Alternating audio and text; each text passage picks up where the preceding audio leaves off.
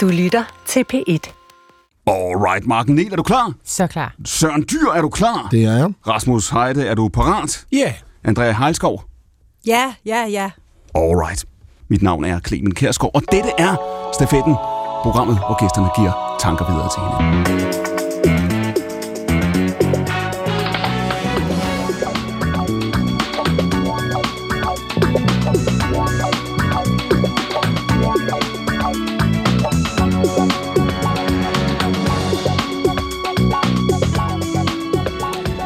Mark Niel er stadig ret ny chefredaktør, det kan man godt sige, Mark Niel, ikke? På morgenavisen i Jyllandsposten. Jo, Når jeg du- har været det i øh, fem måneder eller sådan noget. Når du vågner om morgenen, kan du så huske, at du er chefredaktør? Ja, det kan jeg. Det kan jeg i den grad. Søren Dyr er komiker. Han har været blandt andet på redaktionen bag DR2's Quizzen, og så arbejder du på flere projekter. Det er korrekt. Hvad er det for nogen? Øh, lige nu er jeg to tv-serier i udvikling, og øh, så sidder vi også med lidt film. Andrea Heilskov, du har lige udgivet bogen Vølve. Jeg står med den her. Hvornår satte du sidste punktum i den? Det gjorde jeg i slutningen af maj. Og overfor mig står filminstruktøren Rasmus Heide, aktuel i biograferne med Centervagten, og så sidder du faktisk allerede med den næste film. Ja, alle for fire. Vi sidder og klipper løs og skal have en film klar til biografen til januar. Velkommen til jer fire. Dette er altså stafetten på P1. Ej, drømmer du aldrig om bare at rejse væk? Væk fra det hele? Nej, altså har jeg alt, hvad jeg skal bruge her? Jeg kan give jer en update på centerets økonomi. Det går af helvede til. Rasmus Heide, Centervagt, er i biograferne i øjeblikket. Hvad er en god historie? Jamen, det er ret, et ret godt spørgsmål. Fordi at, hvad mener du egentlig, når du siger det? Øh, mener du, hvad er en god handling? Det, det kan godt være noget andet. Altså tager man for eksempel uh, Hannekes Amur, så er det jo en ret dårlig historie. Hvad Det er bare det? to afdankede lærere, der, der bor sammen, og der sker ikke rigtig noget. Men er det en god film? Det, er en Det, det lyder som en film. hel aften på DR2, vil jeg sige. Ja. Nej, det er en fantastisk film, og enormt gribende, og man er virkelig på kanten af sædet. Men er det en god historie, den fortæller? Ikke hvis du mener handling, Så en men god- følelsesmæssig historie. Så, så det, er, et- det er et kompliceret spørgsmål. Så en livet. en god film har ikke nødvendigvis en god historie. Nej, det den skal have, det er interessante karakterer, først og fremmest. Altså, jeg, ja, men det er så en, en, en smagssag, kan man sige. Men det, min, mit greb er altid at, øh, øh, at finde nogle interessante karakterer først. Altså øh, at finde nogen, jeg har lyst til at være i rum med. Og, og derfor så bliver det sådan øh, tit og ofte nogle, nogle, et, et kammeratskab med de karakterer, man skaber og, og, og viser på lærredet. Skal de være sympatiske nødvendigvis? Vi skal lige have lidt øh, lyd til Rasmus, han har ikke lyd, tror jeg. Øhm, Har du lyd nu, Rasmus? nej, jeg har ikke noget lyd overhovedet. heller det er lidt Du skal lige have alle hovedtelefoner på. I skal skrue op selv, for jeg ved. Ja. Hvor henne? Alright. Mi, mi, mi. 1, 2, 3, 1, 2, 3. Så er der hul igennem. Det er godt. Fornemt. Alright. Øhm, Så jeg samler lige op, Rasmus, fordi du siger, øhm, Perfekt. man skal have lyst til at være sammen med de figurer, der er i filmen. ja, og så spørger du, skal de så være sympatiske? Og det, øh, det er jo noget, man har snakket om øh, i lang tid. Øh, og så kom Klovn og viste, at øh, i hvert fald i Danmark, at det behøver man på ingen måde. Øh, fordi vi har lyst til at se, hvad Kasper Christensens karakter i Klovn kommer ud i. Øh, selvom han er super usympatisk, så er det jo sådan noget tokrummende komik og en pinlighed, man går efter. Det, det er på- noget andet end det, jeg laver, kan man sige. Du, du er jo i en, en branche, hvor man kan sige, der er det øjeblik, hvor man trykker på knappen, hvor man siger, nu gør vi det her, nu, nu committer vi så mange måneder, så mange menneskers arbejde, så mange millioner til det her projekt. Det kunne have været noget andet. Man kunne have lavet den film, der ligger til højre, den, der ligger til venstre. Nu bliver det den her. Hvor nervepirrende er det øjeblik, når man træffer den beslutning og siger, nu er det det her vej. Jamen, det er hele årsagen til, at jeg laver det, jeg laver. Det er, fordi det er sindssygt spændende. Fordi du er ude på dybt vand hver eneste gang. Du skal tænke på, jeg bruger typisk et, øh, et år til halvanden på at skrive et manuskript. Og det bliver jo skrevet om og om og om, og det tror jeg også, øh, Andrea kan, kan, kan genkende. Ikke? Man starter forfra så mange gange, og man får folk ind og læse. Man får, jeg har masser af manuskriptkonsulenter på, og dygtige kollegaer, der er inde og stikker kniven ind alle de steder, de ikke synes, det fungerer. Sådan at man efter halvandet år står med et eller andet manuskript, man tør påbegynde en finansiering af. Og så er det, at produceren kommer ind og prøver at se, kan vi overhovedet samle penge til det her? Kan vi overhovedet samle det rigtige hold foran kameraet og bag ved kameraet? Og det vil sige, før, før du står og kan trykke på knappen på kameraet, jamen så er der egentlig gået to, to og et halvt år minimum og ofte længere. Og så handler det hele altså om, hvad der sker lige de 30 sekunder, kameraet ruller. Alle de forberedelser, alle de tanker, du har gjort dig, alle de prøvedage, du har haft med spillerne, alle de omskrivninger, du har lavet, det hele kulminerer lige der. Hvis det ikke sker foran kameraet, så ender det ikke på lærredet, og så er det ligegyldigt. Vil du gerne have kontrol? Det, er, det er nødvendigt, kan man sige. At man, øh, det, det, det er meget nødvendigt. Det er også derfor, jeg har meget lange øh, samtaler med spillerne, før vi går i gang, fordi det er meget vigtigt at komme i samme båd og, og sejle samme retning. Men der er, der er noget af det, du siger nu, der handler om kontrol. Ikke? Der er noget om hele den forberedelse, som er tanken om at sige, vi kan, vi kan bestemme, vi kan diktere, vi kan komponere alt, hvad der skal være på skærmen, alt, hvad der er i hvert minut af, af, af denne her fortælling, samtidig med, at der er så meget, som du dybest set ingen indflydelse har på. Ikke? Ja, dog, fordi det er jo også en interessant ting, som man måske forventer i et tungt drama, men ikke kigger så meget efter i en komedie, det er jo, at du har netop kontrol over alt. Det ja. vil sige farven på væggen bagved, det vil sige farven på kostymet, smykkerne. Hvilke rekvisitter skal de her have? Når der står telefon, hvad er det så for en telefon? Hvad er det for en kuglepind? Er det den gamle kuglepind, den, den gule viking med det røde øh, viskelæder, som vi kender fra Anders Sandblad? Når man der skal tegne en, en blyant, ser den sådan ud. Øh, altså, alle ting har man jo indflydelse på. Og i og med, at det tager en time at sætte skud op, øh, før kameraet overhovedet ruller, så er der simpelthen ingen grund til ikke at tillægge alt en betydning.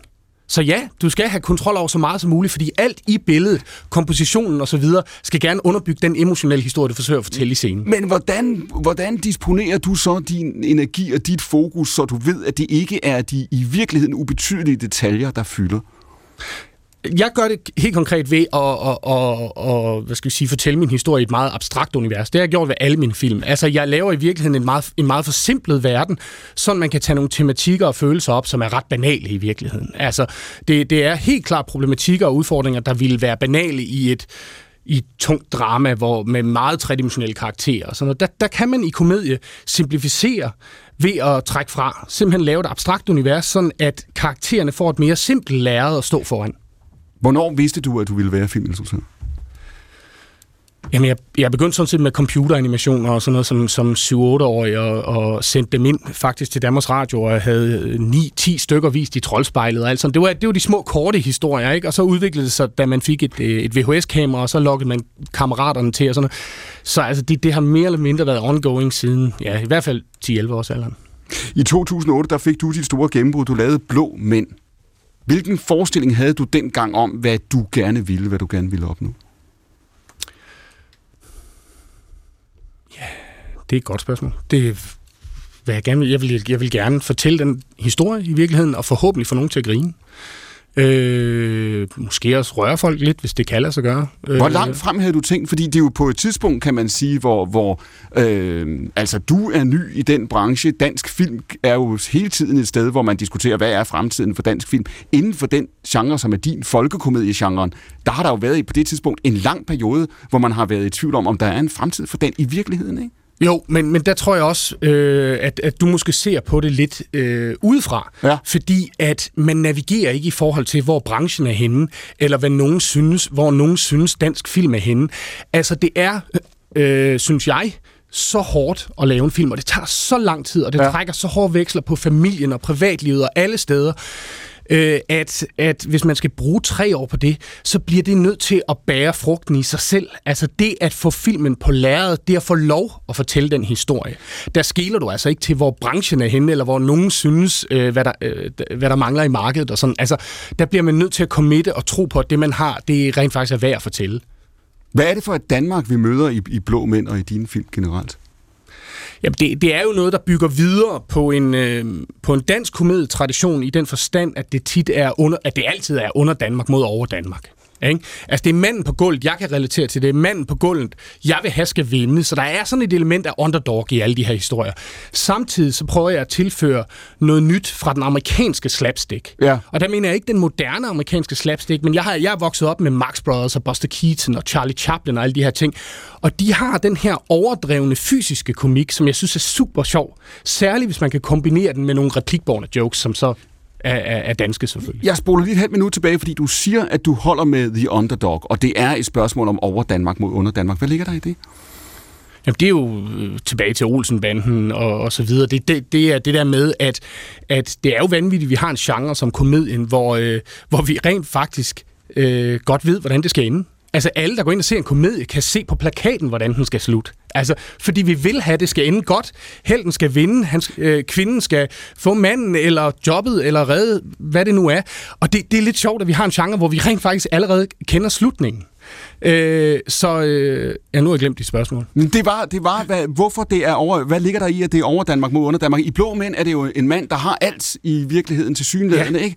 Og så vågner han op, dybest set fra den ene dag til den anden. Det er altså Jeppe Barons seng, bare med omvendt fortegn. Og han finder sig selv efter at have haft øh, konen og huset og bilen og det hele i, i et andet sted, ikke? Ja, så skal han ud og lære de sande værdier jo. Og det er derfor, at container, containerpladsen er rød. Det er derfor, alle containerne er røde. Jeg kan fortælle dig, at det var utrolig svært i 2008 at skaffe en rød container. Ja. Alle var blå. Øh, men, men det var meget vigtigt for mig, at, det, at, at den røde farve var dominerende på pladsen, fordi det selvfølgelig er kærligheden, han oplever. Ude på øh, på vores genbrugsstation. Det er der, han møder de ægte følelser. Hvorimod, når han bevæger sig i sit øh, jet-set øh, IT-univers, så er det hele gråt, det hele det er glas, det er stål, det er ting, du slår dig på. Ikke? Øh, og det var også sådan en, en lille intern joke med Gøndal, som jeg skrev filmen sammen med, og, og jeg havde fra starten, det var, at, at de blå mænd, det, det var for os altid dem i jakkesæt. Altså, det var de triste mænd. The Blue Men. Altså, øh, det var sådan set aldrig kedeldragter. Men vi synes bare, at koblingen var fin, så vi tænkte, det, vi skal ikke blande os i nogens tolkning af det her. Det er jo den anden ting, der er meget hemmelig ved komediegenren, det er, at når man laver den, så må der sindssygt gerne være højt til loftet. Men man skal tige stille, når den er færdig. Men fordi det... folk har deres egen tolkning af, af, af komik og, og humor, og det skal folk også have. Altså det, det, det folk må opleve det, som du, de synes. Du siger, at folk skal have deres egen tolkning, men der er jo i den historie, du lige har fortalt om, om hovedkarakteren i Blå Mænd, der er der jo en stærk moral. Ikke? Han finder, som du siger, kærligheden og autenticiteten i det øjeblik, han, han vælger jetset-livet fra. Ikke? Absolut, og det er ligesom i, i alle for 1, 2, 3, hvor vi har med banditter at gøre, men hvor det har været meget magtpålæggende, at de aldrig nogensinde må få noget ud af at jagte uselmammon. Det skal altid give bagslag og, og, og jagte penge, og, og vi vil heller ikke, uh, alle der på nogen måde agerer voldeligt eller aggressivt, de skal tabe. Man bliver ikke lykkelig af at være rig? Absolut ikke. Altså, så lavede man slet ikke film jo, kan man sige. Fordi at uh, alle, der arbejder med film, de ved, de kunne lave det fire doble, hvis de bare gad at lave en reklame. Andrea Heilskov, bliver man lykkelig af at være rig? Nej, det gør man ikke, men det er jo påfaldende, at vi alle sammen stræber efter at blive det alligevel. Så, øh, så der ja, den er ikke så simpel endda. Der er noget med at nå et vist level af komfort, hvor man så kan begynde at slappe af. Og mange af os, der laver historier, vi er jo på en måde også en eller anden øh, ikke elite, men vi er jo, vi er jo, vi har, du har det jo også fedt, eller hvad man skal sige, you got it made. Og det er jo et mærkeligt paradoks at vi laver historier, der hele tiden handler om underdogs, og vi laver historier, der handler om, at man ikke bliver lykkelig af at blive rig, men vi jagter det jo alligevel tit som kunstner. Det synes jeg er et vildt spændende dilemma. Og, og den, man kan sige, den rejse, som hovedfiguren i, i Blå Mænd går igennem, ikke? Altså, hvor han mister alt, hvad han har, han skal genopfinde sig selv. Det der med at lægge sit liv om, det er noget, du kender noget til? Ja, det gør jeg simpelthen. Hvad var det for en beslutning, du træffede for nogle år siden? Vi besluttede for 10 år siden at flytte op i Vildmarken og bygge vores egen bjælkehytte og gå off-grid og leve fuldstændig primitivt, og det har vi gjort. Vi kom tilbage for to år siden, og det var noget af et chok. Hvor i bestod chokket? Det her med at komme tilbage til alt det, vi forlod, og hvordan det sådan langsomt kravlede ind i os, eller nu taler jeg på min egen vej, ind i mig, mit første møde nede på kommunen, hvor jeg skulle skifte adresse, og der sidder den her kommunedame, og byråkratiet fungerer ikke, og der er et eller andet, der er blevet gjort forkert, og jeg var ved at eksplodere, fordi det var jo lige præcis det, jeg ville væk fra, altså Socialdemokratiet og de røde bygninger og blanketter og sådan noget. Pff. Og så var det der lige med det samme. Kan man, Rasmus Heide, kan man flygte fra det samfund, vi har? Kan man træde ud af, af, af, af, af den der idé om, hvad det almindelige liv er, og det lykkelige liv er? Jamen, jeg, jeg har faktisk tænkt det samme, men jeg tænkte på det, fordi jeg, jeg vidste, at jeg skulle stå her i dag med, med Andrea, fordi det slog mig lige pludselig, at, at de valg, mange af de valg, du har truffet, både privat og, og karrieremæssigt, har jo været ret utraditionelle. Mm. Og hele den skovtur, hvis jeg må Nej, du må ikke kalde det. det. Det må du ikke.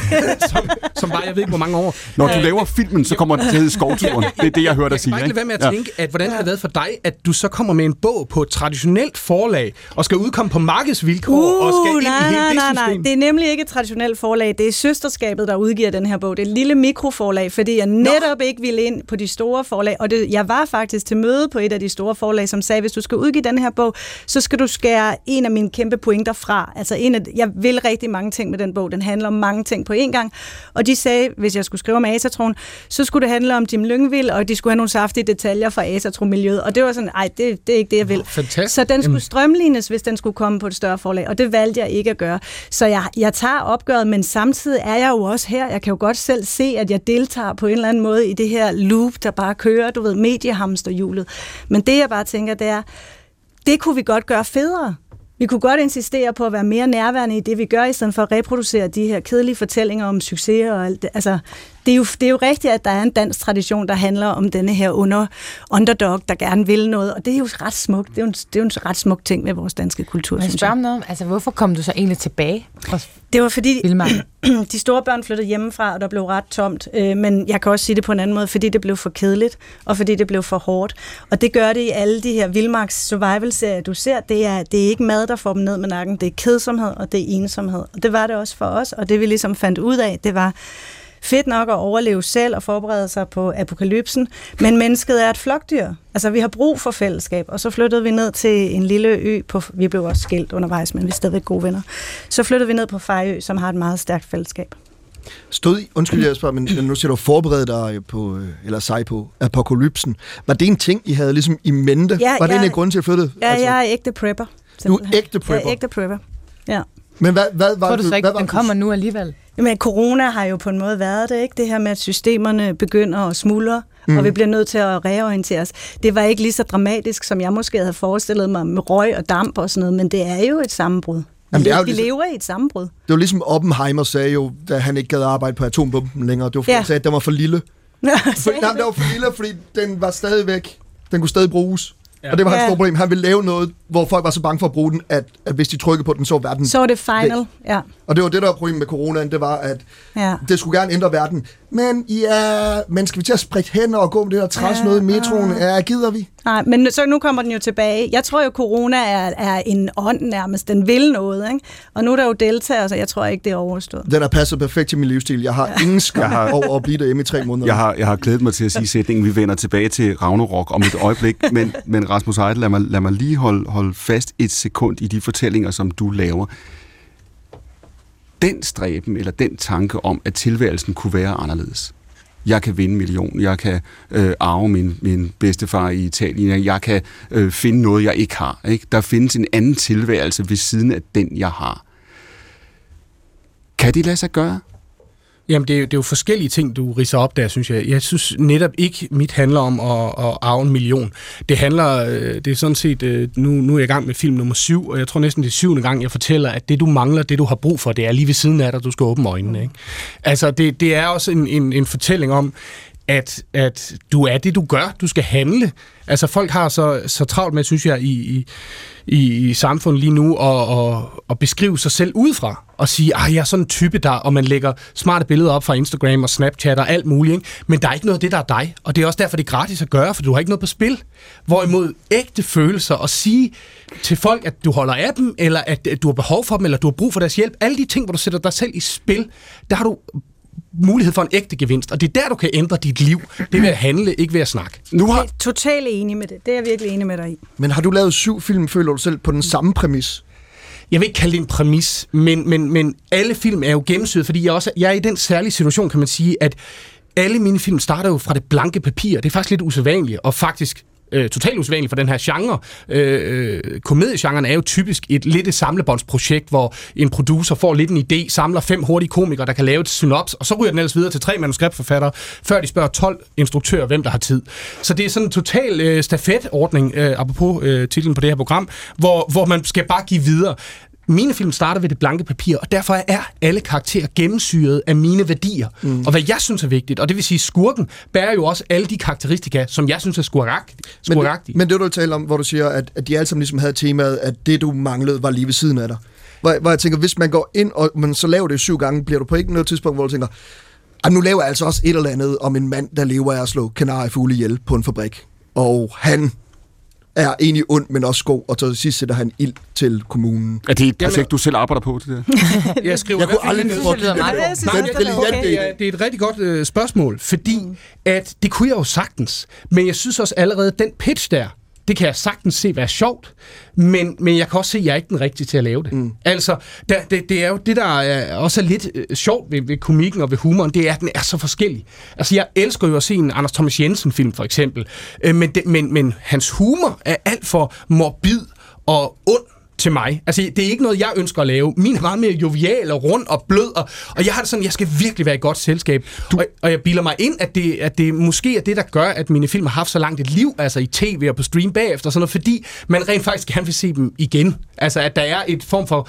Øh, det er jo ikke ligesom en krimi, hvor man tænker, ah, men jeg ved, hvem der gjorde det, jeg gider ikke se den igen. Men der er jo også bare det element, at man rent faktisk fortæller den samme historie igen og igen. Det gør, altså, der er jo en grundfortælling i dig på en eller anden måde, som vil udforske. Sådan har jeg det selv. Det er jeg har skrevet fra. 20 bøger Altså- om det samme, ikke? Altså. Kubrick gjorde det anderledes. Ikke? Han, han, han valgte en ny genre hver gang, fuldstændig ny indgangsvinkel, og han, han var en mester. Ikke? Mm. Øh, han kunne gøre det. det. Jeg tror, jeg har min niche på en eller anden måde, Det, på den måde, at jeg, jeg brænder simpelthen for meget for det her til at slippe det. Du er kompromilløse. Ja, altså jeg bliver i hvert fald ved, kan jeg mærke, indtil... Er du for kompromilløs?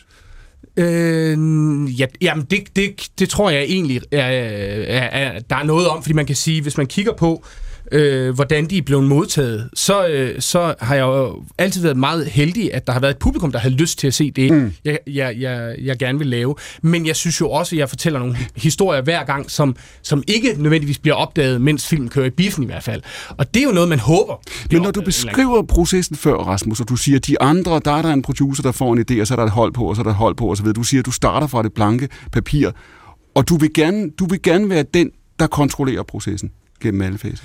Ja, det har, også, det har også noget at gøre med, at, at lige præcis ved komik, der synes jeg, der er så meget, der ikke kan skrives ned.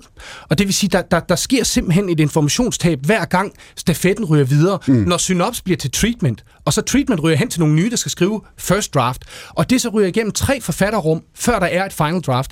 Så er der simpelthen nogle ting, der falder på gulvet. Alt det med den akavede tavshed, alt det med, med timingen, alt det med, med, ja, i virkeligheden, den kærlighed, der også kan ligge i at mobbe hinanden mellem venner, som jeg synes er enormt interessant at lege med rent komisk, den falder ud mellem fingrene når, når, i overleveringen. Så den siger- forsvinder. Så derfor har jeg lyst til at være med fra start for at sørge for, at det ender på lærredet.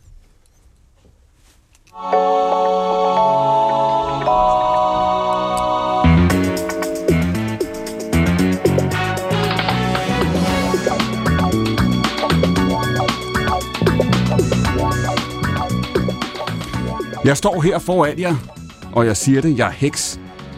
Og lad mig sige, at dette, vi forsvandt aldrig. Vi var der hele tiden. Og det var alferne, og feerne, og trollene og nisserne også. Spøgelserne og ånderne, de var her hele tiden. I stiller stadig grød frem til nissen. I hænger sutter på træer. I finder de naturskønne steder for at lægge jer i græsset og slappe af. Forbindelsen forsvandt aldrig helt. For 20 år siden kunne man ikke sige højt, at man var heks. Andrea Heilsgaard, hvornår brugte du ordet om dig selv?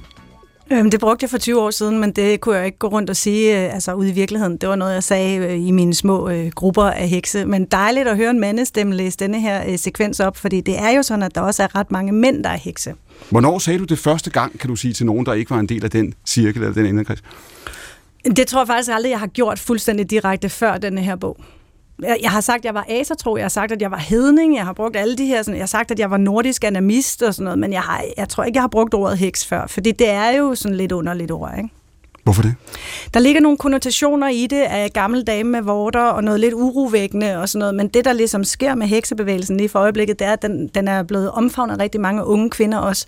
Og jeg føler et stort ansvar for, som en, der har været heks i 20 år, også at gå ind og tale til dem og sige, prøv at høre, øh, det er fint, at I har fundet denne her måde at se verden på. Nu skal jeg fortælle jer lidt om, hvad, hvad jeg ved og hvad vi ved.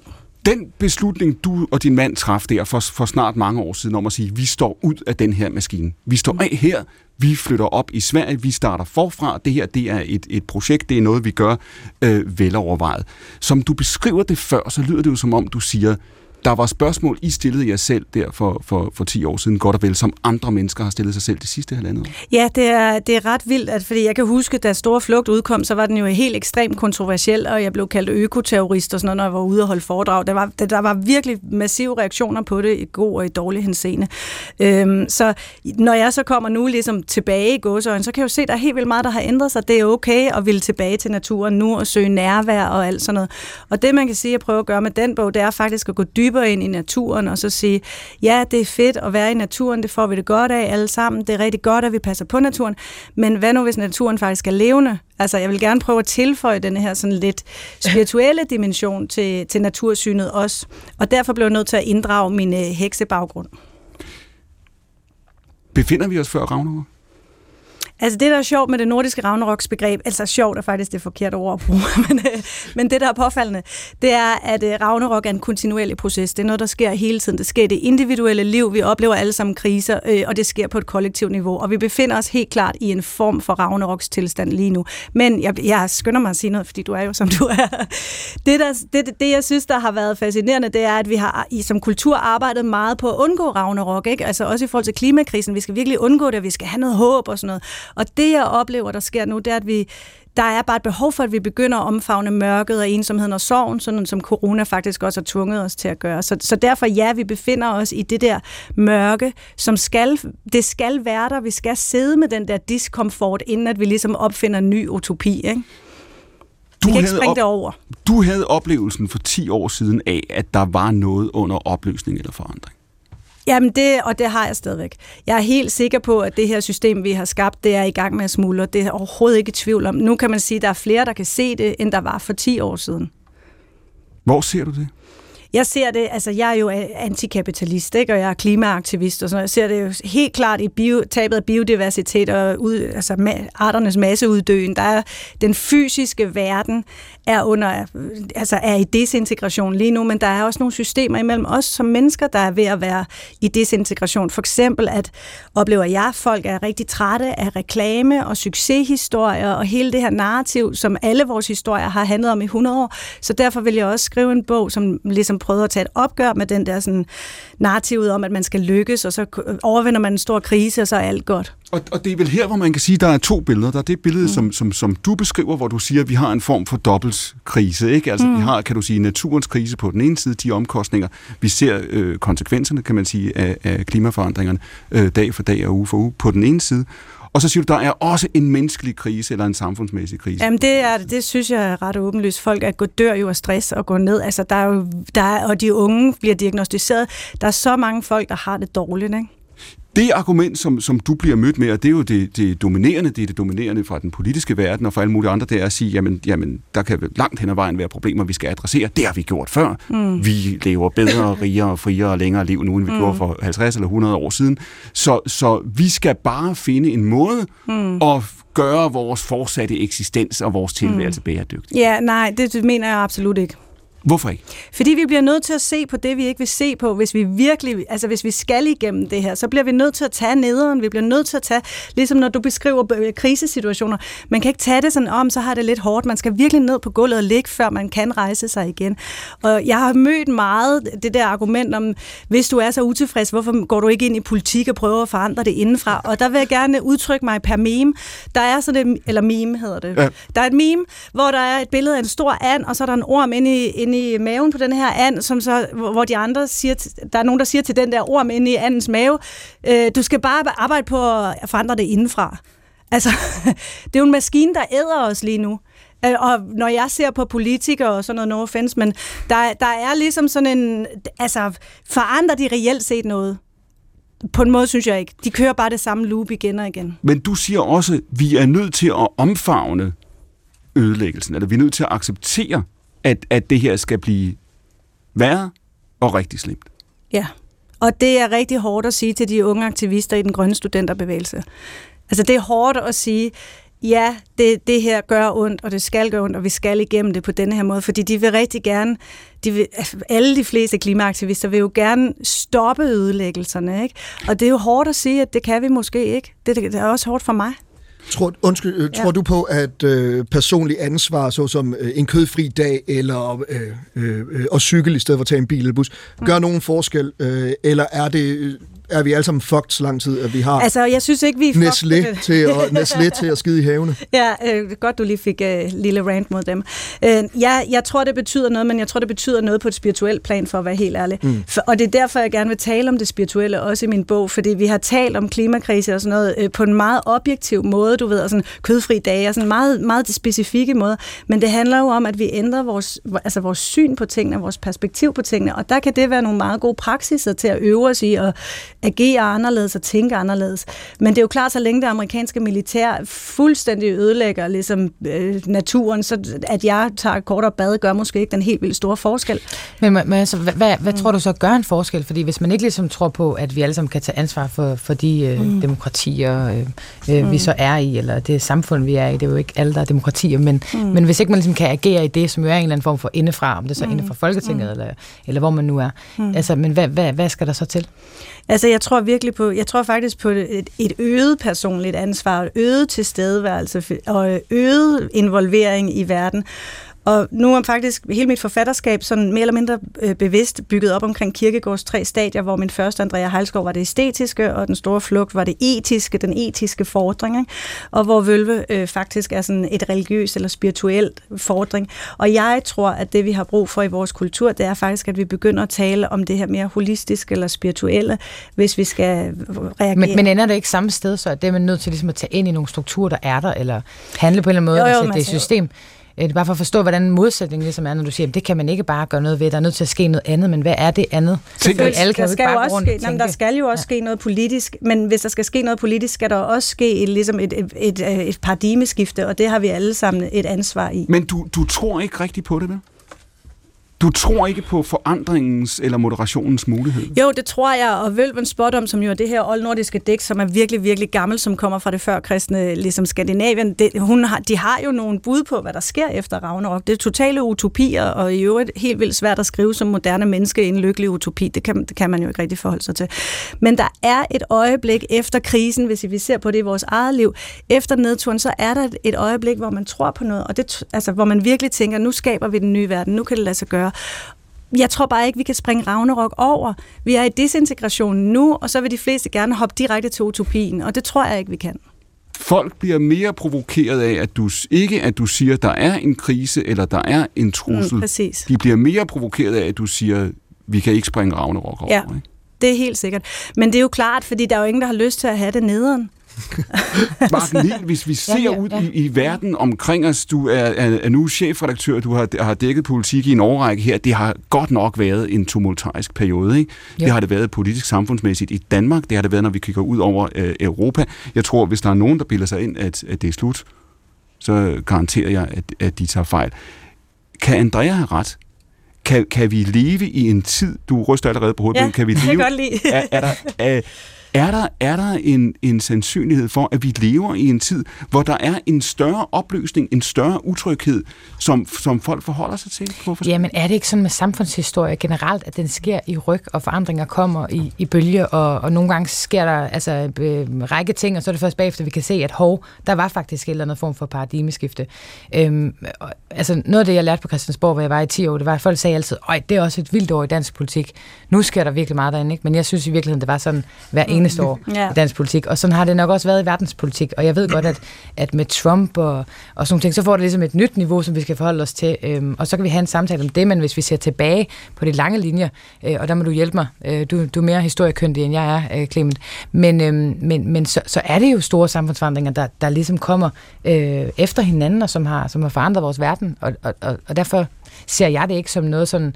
Altså for mig bliver det sådan lidt øh, nu er det også, jeg, jeg, er jo, jeg er jo meget sådan, som journalist er man jo meget optaget af, af sådan fakta og kilder og sætte det i system, og sådan, mm. øhm, det vil sige, øhm, det er sådan meget konkret for mig, hvor det bliver lidt, øh, i min, for mig bliver det lidt, der, der hvor jeg bliver lidt øh, øh, armene mm. øh, korslagte og rysten på hovedet af det, fordi jeg synes, det bliver sådan lidt mumba jumba mm. øhm, mm.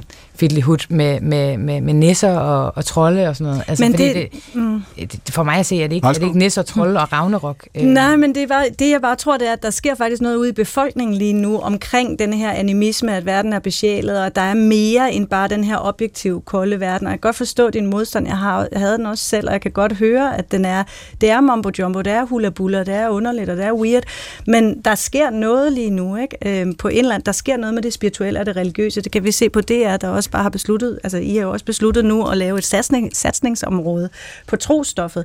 Der sker noget, ja, Store Jamen, der sker jo hele tiden noget. Altså, jeg, jeg ja. talte for eksempel med Jytte Hilden om, øh, mm. om øh, kvindebevægelsen. Ikke? Hun, fordi lige nu kan der være sådan en oplevelse af, at nu sker der virkelig noget, men hvor hendes mm. pointe er, jamen det har der jo hele tiden gjort. Mm. Altså, men det er helt enig i Ravner. Mormor ja, ja. og mor havde nogle helt andre positioner, end hun havde, og unge mm. kvinder i dag øh, indtager igen øh, øh, nye positioner og forandrer forandre verden øh, Men- ved at agere i den, Ja. øh, og dem efter dem øh, kommer til at gøre noget andet. Men, men den og, der, og det er jo, ja. den avis, ja. Mark, du sidder på, og den verden, den branche, som du og jeg er en del af, eller de politiske partier, mm. eller øh, akademikerne, tænketankene, eller embestand og de internationale organisationer, alle de organisationer er jo sat i verden for at overleve, og deres succeskriterie er, at i morgen skal blive som i går. Ikke? Vi vil forlænge for enhver pris den ene avis, det andet parti, den ene måde at tænke på, den ene institution. Det er institutioner, der, der ønsker at overleve for enhver pris. Måske er der udfordringer, som, som har en skala, de ganske enkelt ikke anerkender.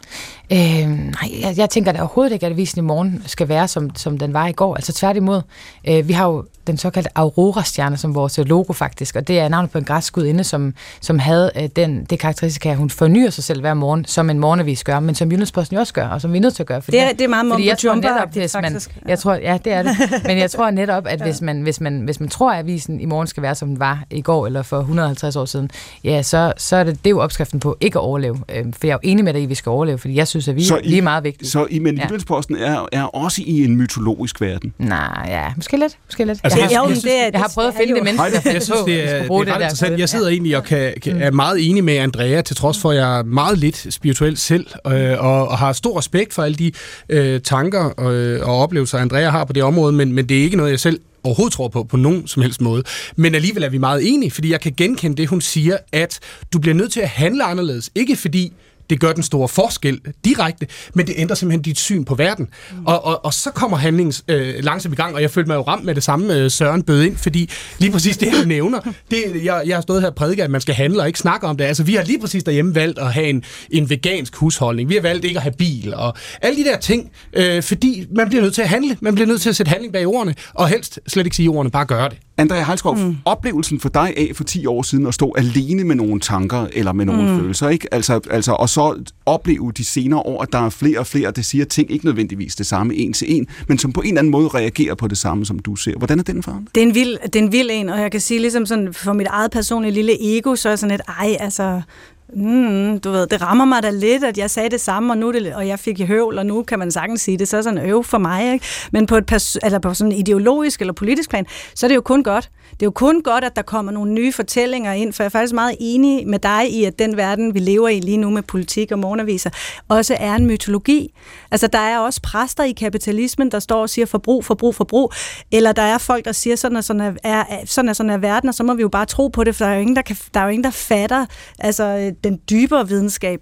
Så der, der er ligesom en mytologi, som, som vi også reproducerer hele tiden, og, og jeg synes at faktisk, jeg er, ikke, jeg er ikke dogmatisk på den måde, jeg vil rigtig gerne diskutere hula bulla, fordi det er, det er jo bare, altså, kan vi snakke om det? Det er bare det. Jeg, jeg er ikke ude på at sælge dig noget, ligesom. Fa- nej, tak.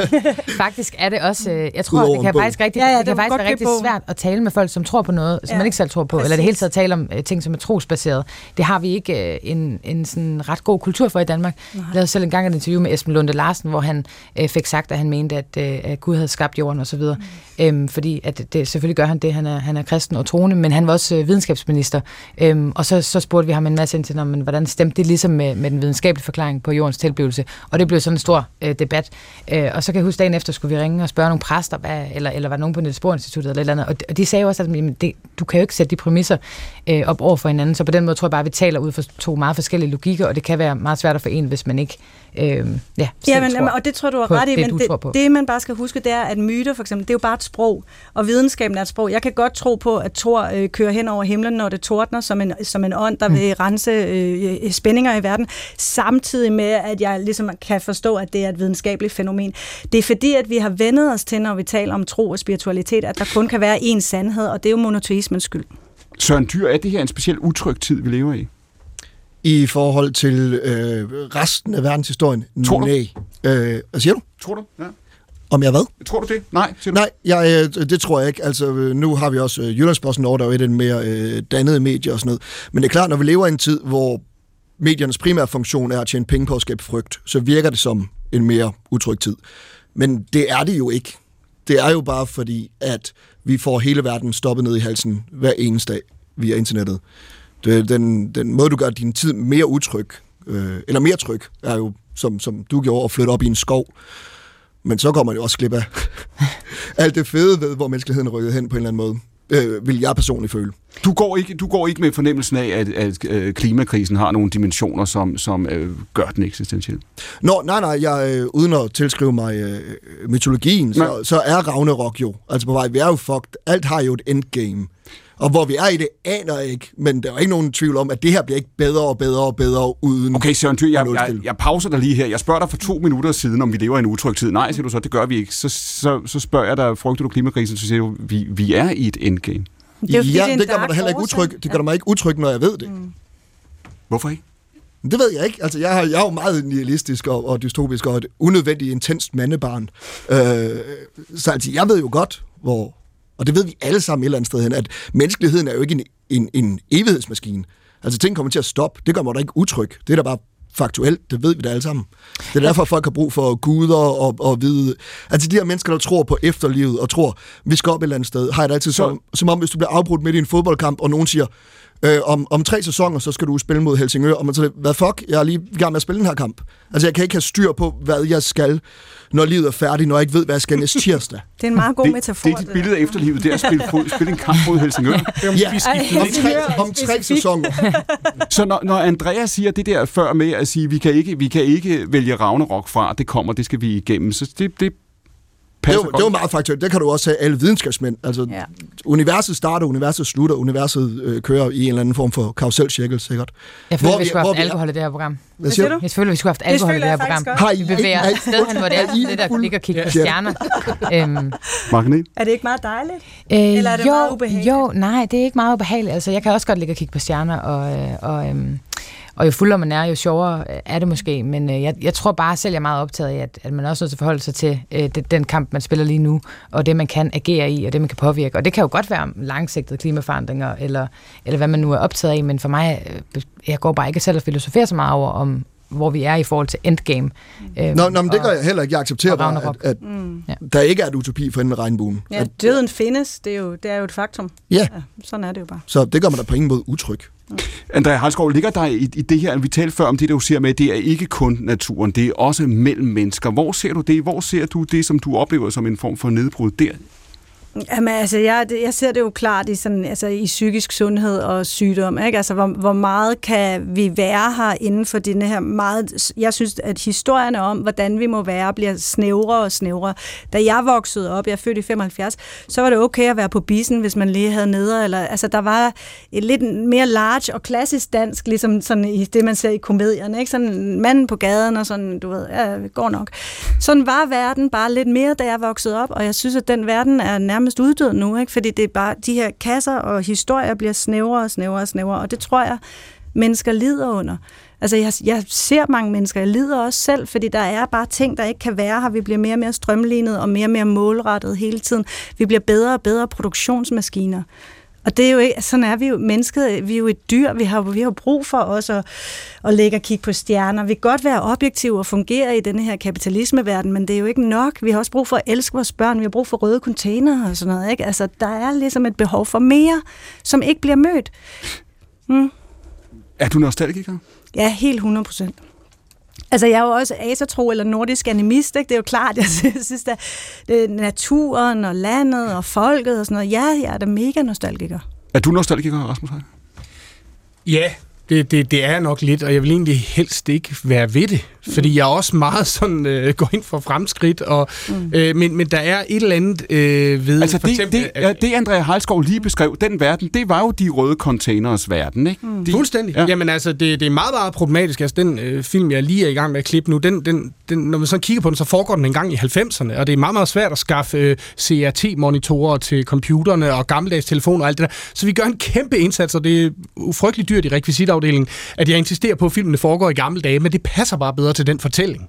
Du længes efter 90'erne, det er gamle dage nu. 90'erne er lige Ja, for, det er specifikt. Ja, det er det. Det, det kan også godt være slut 80'erne. Men det er der omkring. Øh, øh, nu er jeg jo ikke så gammel, så øh, det, det, det, det er der omkring, det var Hvor- uskyldigt for mig. Og det har jo bare noget at gøre med, hvilken alder man er i. Alle for fire hedder filmen. Hvorfor har du sat den der? Hvorfor skal den foregå i den periode? Jamen, det er sådan lidt udefinerbart, men det har noget at gøre med, at øh, mobiltelefoner og internet har dræbt al god komik og al god spænding og al god gys. Altså, øh, så, så jeg øh, insisterer bare på at lave film, før internettet blev opfundet. Altså. Er Det, det, det, det, værste, jeg ved ved gyserfilm, det er, at alle gyserfilm nu foregår i 80'erne, fordi at det er netop der er det der med, hvorfor, du er i en skov, hvorfor ringer du ikke bare til nogen? Ja, så der skal ja, det er rigtigt. det, det, det, er det eneste, der morer mig efterhånden ved langt flere. Jeg elsker gyser og kæmpe horrorfan. Mm. Men det er at se, hvordan øh, nye, dårlige gyser altid prøver at løse det der med, hvordan får vi deres tablets og deres wifi væk fra dem. Og der var lige det der år, års tid eller to, hvor der kom film, hvor de mistede dækning. Ja. Den kan man ikke sælge længere. Hvorfor vel? har vi- Åh, oh, jeg mister Er- dækning. Er du ved nærmest det sidste minut af de første 45 her, Søren Dyr? Er du nostalgiker? Øh, nej, det vil jeg, eller jeg plejer at sige, at ting var bedre i de gamle dage, før Big Bang. Så vi skal et stykke tilbage. Du er hypernostalgiker. Mark Nielsen, spørgsmål. Er du nostalgiker? Øh, ja, det, det er jeg. Men ikke, ikke på den der måde. Ja. Ved, Nej, vi skal ikke. Ikke på hvilken Ja, måde? mere bare, jeg, jeg, tror, jeg tror bare, jeg synes, der er enormt mange sådan selvmodsigende ting i det. Altså sådan, hvis man drømmer sig tilbage til dengang flere kunne være på bistandshjælp, og man Jamen, samtidig havde var- den var byråkratiet og Socialdemokratiet. hårdt grebet, men- der er bare men nogle godt. ting, der ligesom ikke... Øhm, ja. Mark Niel er ret ny chefredaktør på Jyllandsposten. Søren Dyr er komiker. Andrea Heilskov har lige udgivet bogen Vølve, og Rasmus Heide er filminstruktør i øjeblikket og arbejder han på Alle for Fire. Dette er Stafetten, programmet, hvor gæsterne giver tanker videre til hinanden. Om et øjeblik er der radioavis, og så er vi tilbage om tre minutter med Team 2. Dette er Danmarks Radio program 1, og klokken er 13. Søren Dyr, er du klar til Team 2? Ja, tak. Rasmus Heide, samme spørgsmål. Jeg glæder mig. Andrea Heilskov, vi er kommet tættere på Ragnarok, kan man sige. 45 Ja. minutter til dig. Ja, men det, vi skal, det skal gå stærkt nu, hvis vi skal nå det så, ikke? Mark Niel, er du parat? Spændende, om vi slipper ud. Dette er anden time af Stafetten.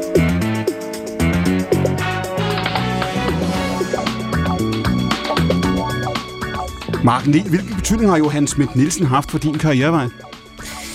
Øh, jamen, øh, ret stor betydning, tror jeg. Vi gik i gymnasiet sammen, så vi kørte øh, i rutebil. Mine forældre boede lidt uden for Odense, og det gjorde øh, hendes mor også. Så kørte vi samtidig rutebil Så sammen der var- efter gymnasiet.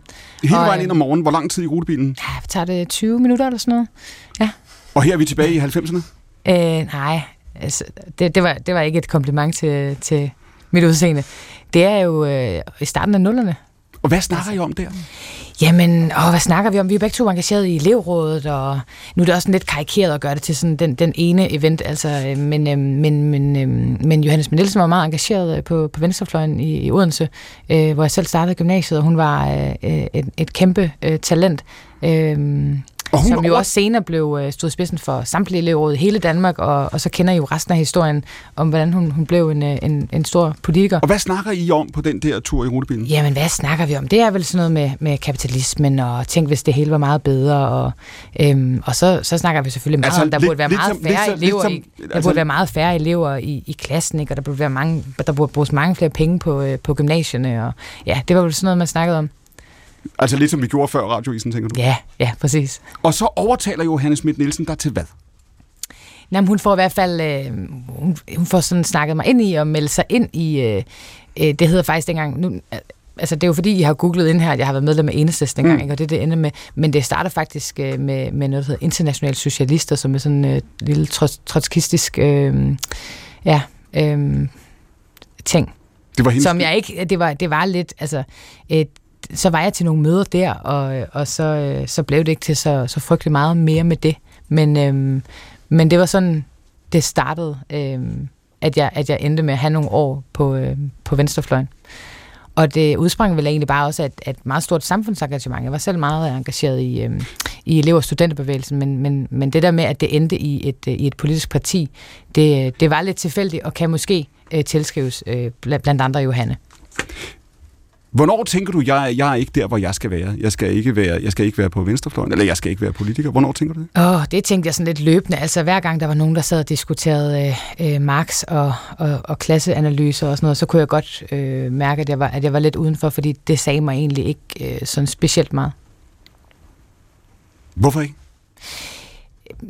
Jeg kommer ikke af et hjem, hvor jeg har læst mange bøger, og i virkeligheden, øh, så, øhm, ja, så, så tror jeg, jeg var mere optaget af det der meget konkrete, som netop var øh, forholdene på gymnasiet, eller øh, hvordan kunne man organisere sig der, hvor man var, øh, og, og ikke så meget ikke så meget de revolutionære perspektiver i det.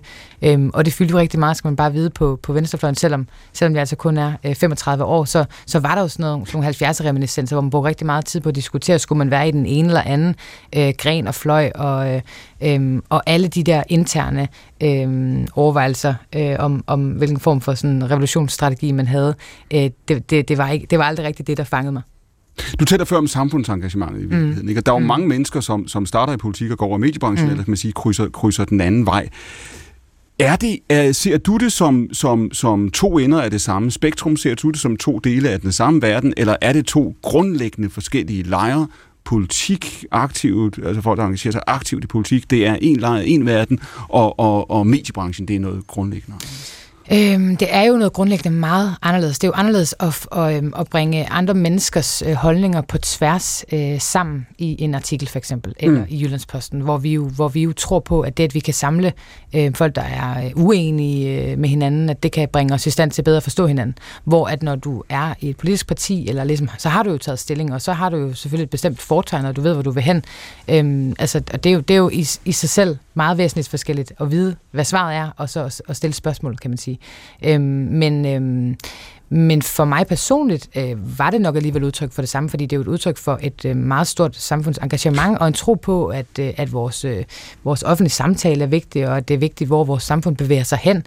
Øh, og det der med sådan at dedikere øh, så meget til det, øh, det, det tror jeg egentlig bunder i den, i, den, i den samme respekt for vores demokrati, dybest set. Men det vil være rigtigt at sige, at du har det bedst, hvor det bliver konkret? Øh, ja, det, det kan man måske godt kode ned til. Hvornår oplever du det?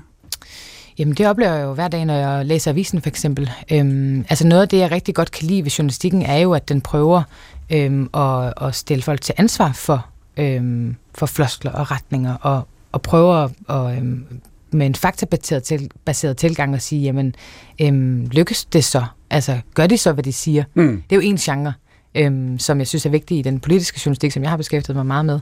Øhm, og samtidig kan den selvfølgelig også oplyse og fascinere og overraske. Øh, og det er, jo, det er jo, når man forener de der ting, at, at journalistikken bliver, bliver rigtig vigtig. Men, men øhm, der synes jeg, der er noget med at få det, få det præsenteret på en måde, så folk forstår det. Og det er jo også i sig selv at gøre, gøre noget, noget konkret. Men en ting er, kan du sige, hensynet til læserne, mm. hvad vi skal kalde det. Du er også mm. rigtigt at sige, at du har det bedst selv også, når det bliver konkret. Det synes du er mest, mere, mest, mest meningsfuldt eller mest håndterbart? Mm, ja, nu var det i hvert fald, i, hvert fald i, re, i, i relation til de der sådan, ja. øhm, altså hvis vi snakker Ragnarok, eller vi snakker øh, revolutionsromantik, øh, så er jeg ikke lige der, nej. Og den der diskussion, når jeg spørger dig før med det politiske ja. over for medieverdenen, mm. så kan man sige, fordi det har jo også indflydelse på, hvor du sidder nu, det har indflydelse på, hvor I er som avis. Det virker lidt som om, at, at hvert årti, der tager vi den samme diskussion igen. Mm. Jeg skal hilse at sige, at man i 70'erne havde en diskussion om det her. Alt var politisk. Mm. Alt, hvad der ikke var politisk, var også politisk. Alt, hvad der var mm. privat, var i øvrigt også politisk. Man kunne ikke være neutral journalist, man kunne ikke være neutral soldat. Alle tog stilling. Det var en opfattelse i 70'erne. I 80'erne diskuterede man også, mm. øh, men så var det så med modsat foretegn, ikke hvorvidt øh, økonomisk logik var, var neutral og så videre. Der diskuterede man det. Øh, I 90'erne var der måske lidt en pause, ikke? The End of History, og måske sådan lidt en forestilling om, at, at den der gud var gået af kog, og så skal jeg da hilse at sige, at det er kommet tilbage. Det var det i nullerne, og, og det har det været de, de, de sidste 10 år. Det er jo en stadig kamp, ikke? Det er vel ja. ikke indlysende, hvor de grænser går, og det er ikke indlysende, hvad objektivitet, neutralitet, kvalitet er, heller i medierne. Nej, overhovedet ikke, og, der, og den kamp er jo også øh, inde, inde i alle medier øhm, og, og imellem medier. Øhm, men på Jyllandsposten tror vi jo meget på den tilstræbte objektivitet. Det er jo ikke fordi, øh, at vi tror på, at man kan være 100% objektiv, men det er jo et spørgsmål om at prøve at være det i så vidt muligt omfang. Øhm, og prøve øh, uden øh, bias og egne holdninger at fremlægge synspunkter og fakta så neutralt, som man nu engang kan gøre det. Øh, og det er jo grundlæggende ud fra en fordi vi tror på, at, at vi bedst bringer mennesker i stand til selv at tage stilling ved ikke øh, at tykke maden for dem, øh, men ved at give dem øh, oplysninger, som de så selv kan handle på. Så det vil være rigtigt at sige, at du som chefredaktør eller I som avis, mm. I vil mig ikke noget? Vi har jo et lederkollegi, der udtrykker øhm, en, en, en holdning, men, men vi, vi, øhm, vi gør meget ud af at adskille fra journalistikken. Mm. Så når man for eksempel i, øh, i politikken, øhm, jeg tror faktisk det er i dag, øh, kan se forsiden dedikeret øh, til, til en kritik af Kina, øhm, så altså, det, det kunne man ikke forestille sig på Jyllandsposten, fordi vores forside, den er fri for debat. Vi har ikke lederen der. Øhm, vi, øhm, vores klimajournalistik har heller ikke det afsæt, at, øh, at den mener noget bestemt, øh, som, som andre viser, der har klaret sig som klimaaviser. Ikke? Øhm, så, så på den måde adskiller vi det meget. Vi har holdningsstoffet øh, bag og, øhm, og, og den almindelige journalistik først, hvis vi taler om print og, men det og gør meget umage bare, med det der. Ja. Men det betyder jo også bare, at de udelukker det, det selvmodsigende og det søgende. Nej, vi lader bare andre øh, komme til ord med det. Altså, ja, vi kunne det, sagtens det... lave et interview med dig, hvor du så mm. udtrykker det, og så kunne vi interviewe en anden, som, som mente, øh, at, at du tog fejl. Men, men I tror jo på den tilstræbte objektivitet. Så. Ja. ja. Men og, og den udelukker jo, det er den jo- det er jo udelukker en- jo noget. Den det- udlægger su- øh, forskellige subjektiviteter. Øh, ja, men for os er det jo en metode, så den udelukker ikke, at du kan mene noget, men det er mere mm. som journalistisk metode. Mm. Øhm, der, der, der, der er det meget vigtigt for os, mens det for eksempel på en vis som, som politikken, eller på information, hvor jeg selv øh, er uddannet, øhm, der har man en anden tradition for, at man, at man også bruger sin journalistik mere aktivistisk, og at holdningerne godt kan være øh, en del af journalistikken. Og der, der tror jeg, det som kende, kendetegner Jyllandsposten, og som nok også adskiller os øh, fra de andre viser dag, det er, at vi øh, insisterer meget på at holde fast i den der tilstræbte objektivitet, Og- som, i, som faktisk også er en pressemæssigt lidt en parentes. Øhm, fordi at, øh, vi er jo ikke født med den for 150 år siden. Mm. Øh, I gamle dage har journalistik jo ikke været øh, den her sådan øh, øh, nøgterne, øh, øh, meget sådan særlige øh, ting, som, som er opfundet i nyere tid. Ikke? Altså sådan en som Henrik Kavling, som vi alle sammen øh, mm. øh, hylder hvert år, når vi uddeler en pris, var jo også en, en stor øh, aktivist på mange måder. Men i tilstræbt objektivitet, mm. altså tanken om, at jeg kan gøre mig fri af, hvad jeg selv mener, og lade være med at bære det ind, og ligesom mm. gå, gå uhildet til et Eller emne. bare være og, søgende. Mm. Altså, jo, men, men tanken om, i tilstræbt objektivitet ligger der jo også tanken om, at der findes objektivitet. Hvis ikke der er en sådan position, som er neutral, så kan jeg ikke tilstræbe den, vel?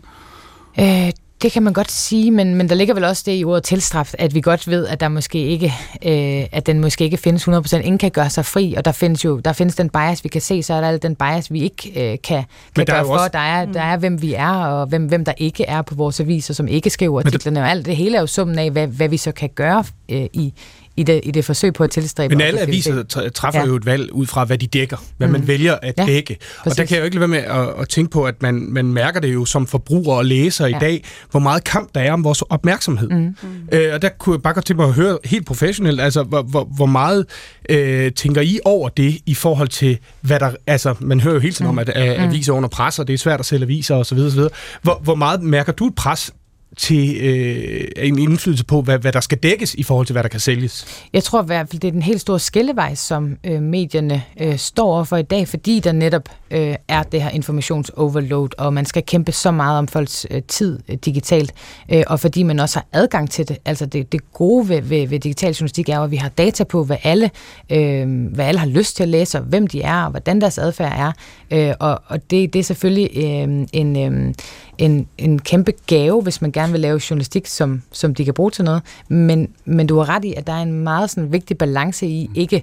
Øhm, ikke ende i noget, som i virkeligheden bare er et ekokammer, eller, eller som ikke overrasker dem, eller som ikke skriver noget, de er, de er uenige i forvejen, eller som risikerer at sætte øh, det væsentlige i baggrunden for det, øh, der, der bare er let og, og relevant. Og det er jo den balance, vi hele tiden skal, skal, skal prøve. På Jyllandsposten tror jeg ikke, vi har, har det problem. Øhm, du, du vil finde ret mange artikler i Jyllandsposten, hvor, hvor nogen vil sige, det er sgu kedeligt, øhm, Men- men, hvor vi har ment, at det var rigtig vigtigt. Men nyhederne skal, jeg har aldrig forstået det her, hvor, hvor folk brokker sig over, at nyhederne er kedelige. Mm. Nyhederne skal være kedelige, det er nyheder. ja. Fortæl mig, hvad der er sket, og så ud over det 10 stille. Ja, men problemet er jo bare, at hvis du skal, hvis du skal gå ind og, og læse den nyhed, så skal der være et eller andet, der fanger din opmærksomhed, fordi du kunne også bare sidde på Instagram øhm, eller, eller hos et andet medie, som vi vil mene øh, formidler nyheden dårligere. Så, så vi skal, der, er jo- der, er jo en, der er jo en rigtig svær opgave i Om jeg er enig at, det, om jeg, jeg, jeg at skaffe ikke... folks øh, opmærksomhed, og især yngre menneskers Du opmærksomhed. sagde, du Men sagde det var heller ikke en kritik af dig, det var en kritik af forbrugeren, hvor jeg Ja. tænker, at det der, hvor man gerne vil have nyheder, og gerne vide, hvad der faktuelt er sket, mm. men man gerne vil have det igennem mm. så mange farvede mm. filtre som muligt, der passer til, hvad man synes. Men der, der tror jeg, vi har et, et ansvar også på ligesom at prøve at skabe øhm, en større øhm, mental sundhed, også sådan mediemæssig sundhed, og det kan man jo, det kan man jo gøre på samme måde måske, som, som, øh, som, som når man kigger på sådan, den måde, din telefon i dag kan måle på, om hvor meget har du sovet, og hvor meget har du spist, og det er lige før, man kan se sin menstruationscyklus og sådan noget, Nej, øh, hvis man gider plotte det ind. Men, øh, og det er jo en måde ligesom også at nudge folk til at blive enormt opmærksom øh, på, hvor mange skridt har vi gået og sådan noget. Men kan man overføre øh, det øh, til, øh, til medierne, Men skal det være er jeres, et godt skal, spørgsmål. skal det være jeres opgave? Skal det være jeres opgave at, har- og, Vi har da i hvert fald en opgave i, synes jeg, at prøve som samfund øh, og, og, og som medier også øh, sammen at, at, at gøre alt, hvad vi kan for at få folk til at bruge mest mulig tid på noget, der gør dem lidt klogere og lidt bedre i stand til at agere i deres liv og i vores samfund, øh, end, end på bare at hænge på Instagram og, og Men, tænke lidt Søren Dyr, du nævnte i, i time 1, der sagde du det her med, at, at øh, medierne spiller en rolle ikke, i forhold til, hvilke historier de viderebringer, hvor, hvor vores frygt kommer fra, hvor mm-hmm. vores verdensbillede kommer fra. Hvordan ser du det? Undskyld, hvordan jeg ser Ja, at du siger, at medierne også bidrager til frygt. Du fik faktisk sagt, at de fleste medier levede af. Og Jamen, det har du totalt ret i. Er, er, er uenig i. Nå, nå, men det er øh, bare set fra, øh, hvad hedder det, Breaking News School, øh, forelskelsen mm. i... Øh, det er jo altid, her er det store chok, og her er hvorfor det er vigtigt, du ved det. Og så finder man ud af, at det var ikke vigtigt, jeg ved det. Man får ideen om, øh, og nu, nu har jeg jo ADHD, så alt for mig er Breaking News School. Og jeg har brug for, at I begynder at bruge det mere seriøst, fordi at Breaking News School til en eller anden har født, som jeg ikke kender, er ikke sådan, I bruger det. Mm. Øh, men generelt er det jo frygtbaseret. Det ved vi jo som alle reklamer. Alle, os politikerne bruger det. Alle alt handler om frygt, intet handler om håb. Hvilket jeg også synes er fair nok, fordi der er ikke skide meget af det. Øh, jeg synes bare, det bliver en salgsvar, og derfor jeg siger, at jeg vil meget hellere have kedelige nyheder. Fordi at kedelige nyheder er ekstremt objektive. Du fortæller mig bare, hvad der er sket, med mm. nogle tal, med et, en lokation. Her er det, hvis det interesserer mig. Frygten kommer først ind, når alle folk begynder at fortælle det igennem deres filter, i håben om, at du gider at klikke på det, øh, så du kan få en reklame for noget Roundup og en haveskole. Øh. Så, så du oplever, når du møder mediebilledet, så oplever du, at der er nogen, der vil, der, vil, der vil sælge dig en følelse her. De vil have dig til at reagere. Men det er jo det, vi gør. Det er også det, vi fire gør. Altså, det her er jo også, det her er jo også illusionen af relevans, hvor øh, vi står og hygger os og taler til nogle mennesker, der hører på et, øh, som også føler, at de, de er meget relevant ved at høre den her debat. Øh, altså, her er jo ikke nogen, der hedder Morten og er pladesmed fra Midtjylland, der ligesom giver sit besøg med, ikke? Altså, vi er jo del af det samme hamsterhjul. Jeg prøver også at sælge noget ved at stå her. Det samme gør I. Altså, det er jo, alt er jo en salgsvar. Er det rigtig, Marken, alt den salgsvar? Øh, nej, altså jeg er i hvert fald ikke enig i, at det er, at vi har sådan et øh, bevidst ønske om at, at skabe frygt. Øh, og nu tror jeg heller ikke, det er Jyllandsposten, du rigtig langer ud efter. Du lyder som, du bliver en rigtig god øh, JP-influencer i virkeligheden. Åh, oh, øhm, ja. Det var et jobtilbud. Ja. Det, vi har, vi har nogle kedelige nyheder til dig, hvis, øh, hvis det er. Mm. Nej, men det er jo fordi, man hele tiden skal finde en balance i at gøre det, at gøre det relevant for folk, og, og, og om det så er, fordi det er sjovt, eller øh, det er chokerende, eller, eller hvad det er, det, det Øhm, men det er jo ikke fordi, at der, der sidder ikke et eneste, en eneste chefredaktør i Danmark, heller ikke på BT Ekstrabladet, som har som ønsker at skabe frygt. Men spørgsmålet om, om vi lever i den samme verden, eller det samme mm. samfund, eller mm. den samme virkelighed, det er også lidt det, vi diskuterer. Du, sagde i, det i, del 1, Mark Niel, du sagde, mm. du, har det, du har det stramt med snakken mm. om Ragnarok mm. og hekse og trolde og mm. Ja. Øh, man kan sige, hvis man har fulgt bare de sidste to år, tag MeToo som eksempel mm. her, det har jo afsløret for, for mange mennesker, måske de fleste mennesker, at der er virkelig forskel på den oplevelse, vi har af verden. Nogen vil sige, der er mm. forskel på de verdener, vi lever i. Ja. Og, og vi har levet side om, om side med hinanden på arbejdspladser, i parforhold ægteskab, alt muligt, mm. kun for at opdage, at, at virkeligheden kan se helt forskellig ud.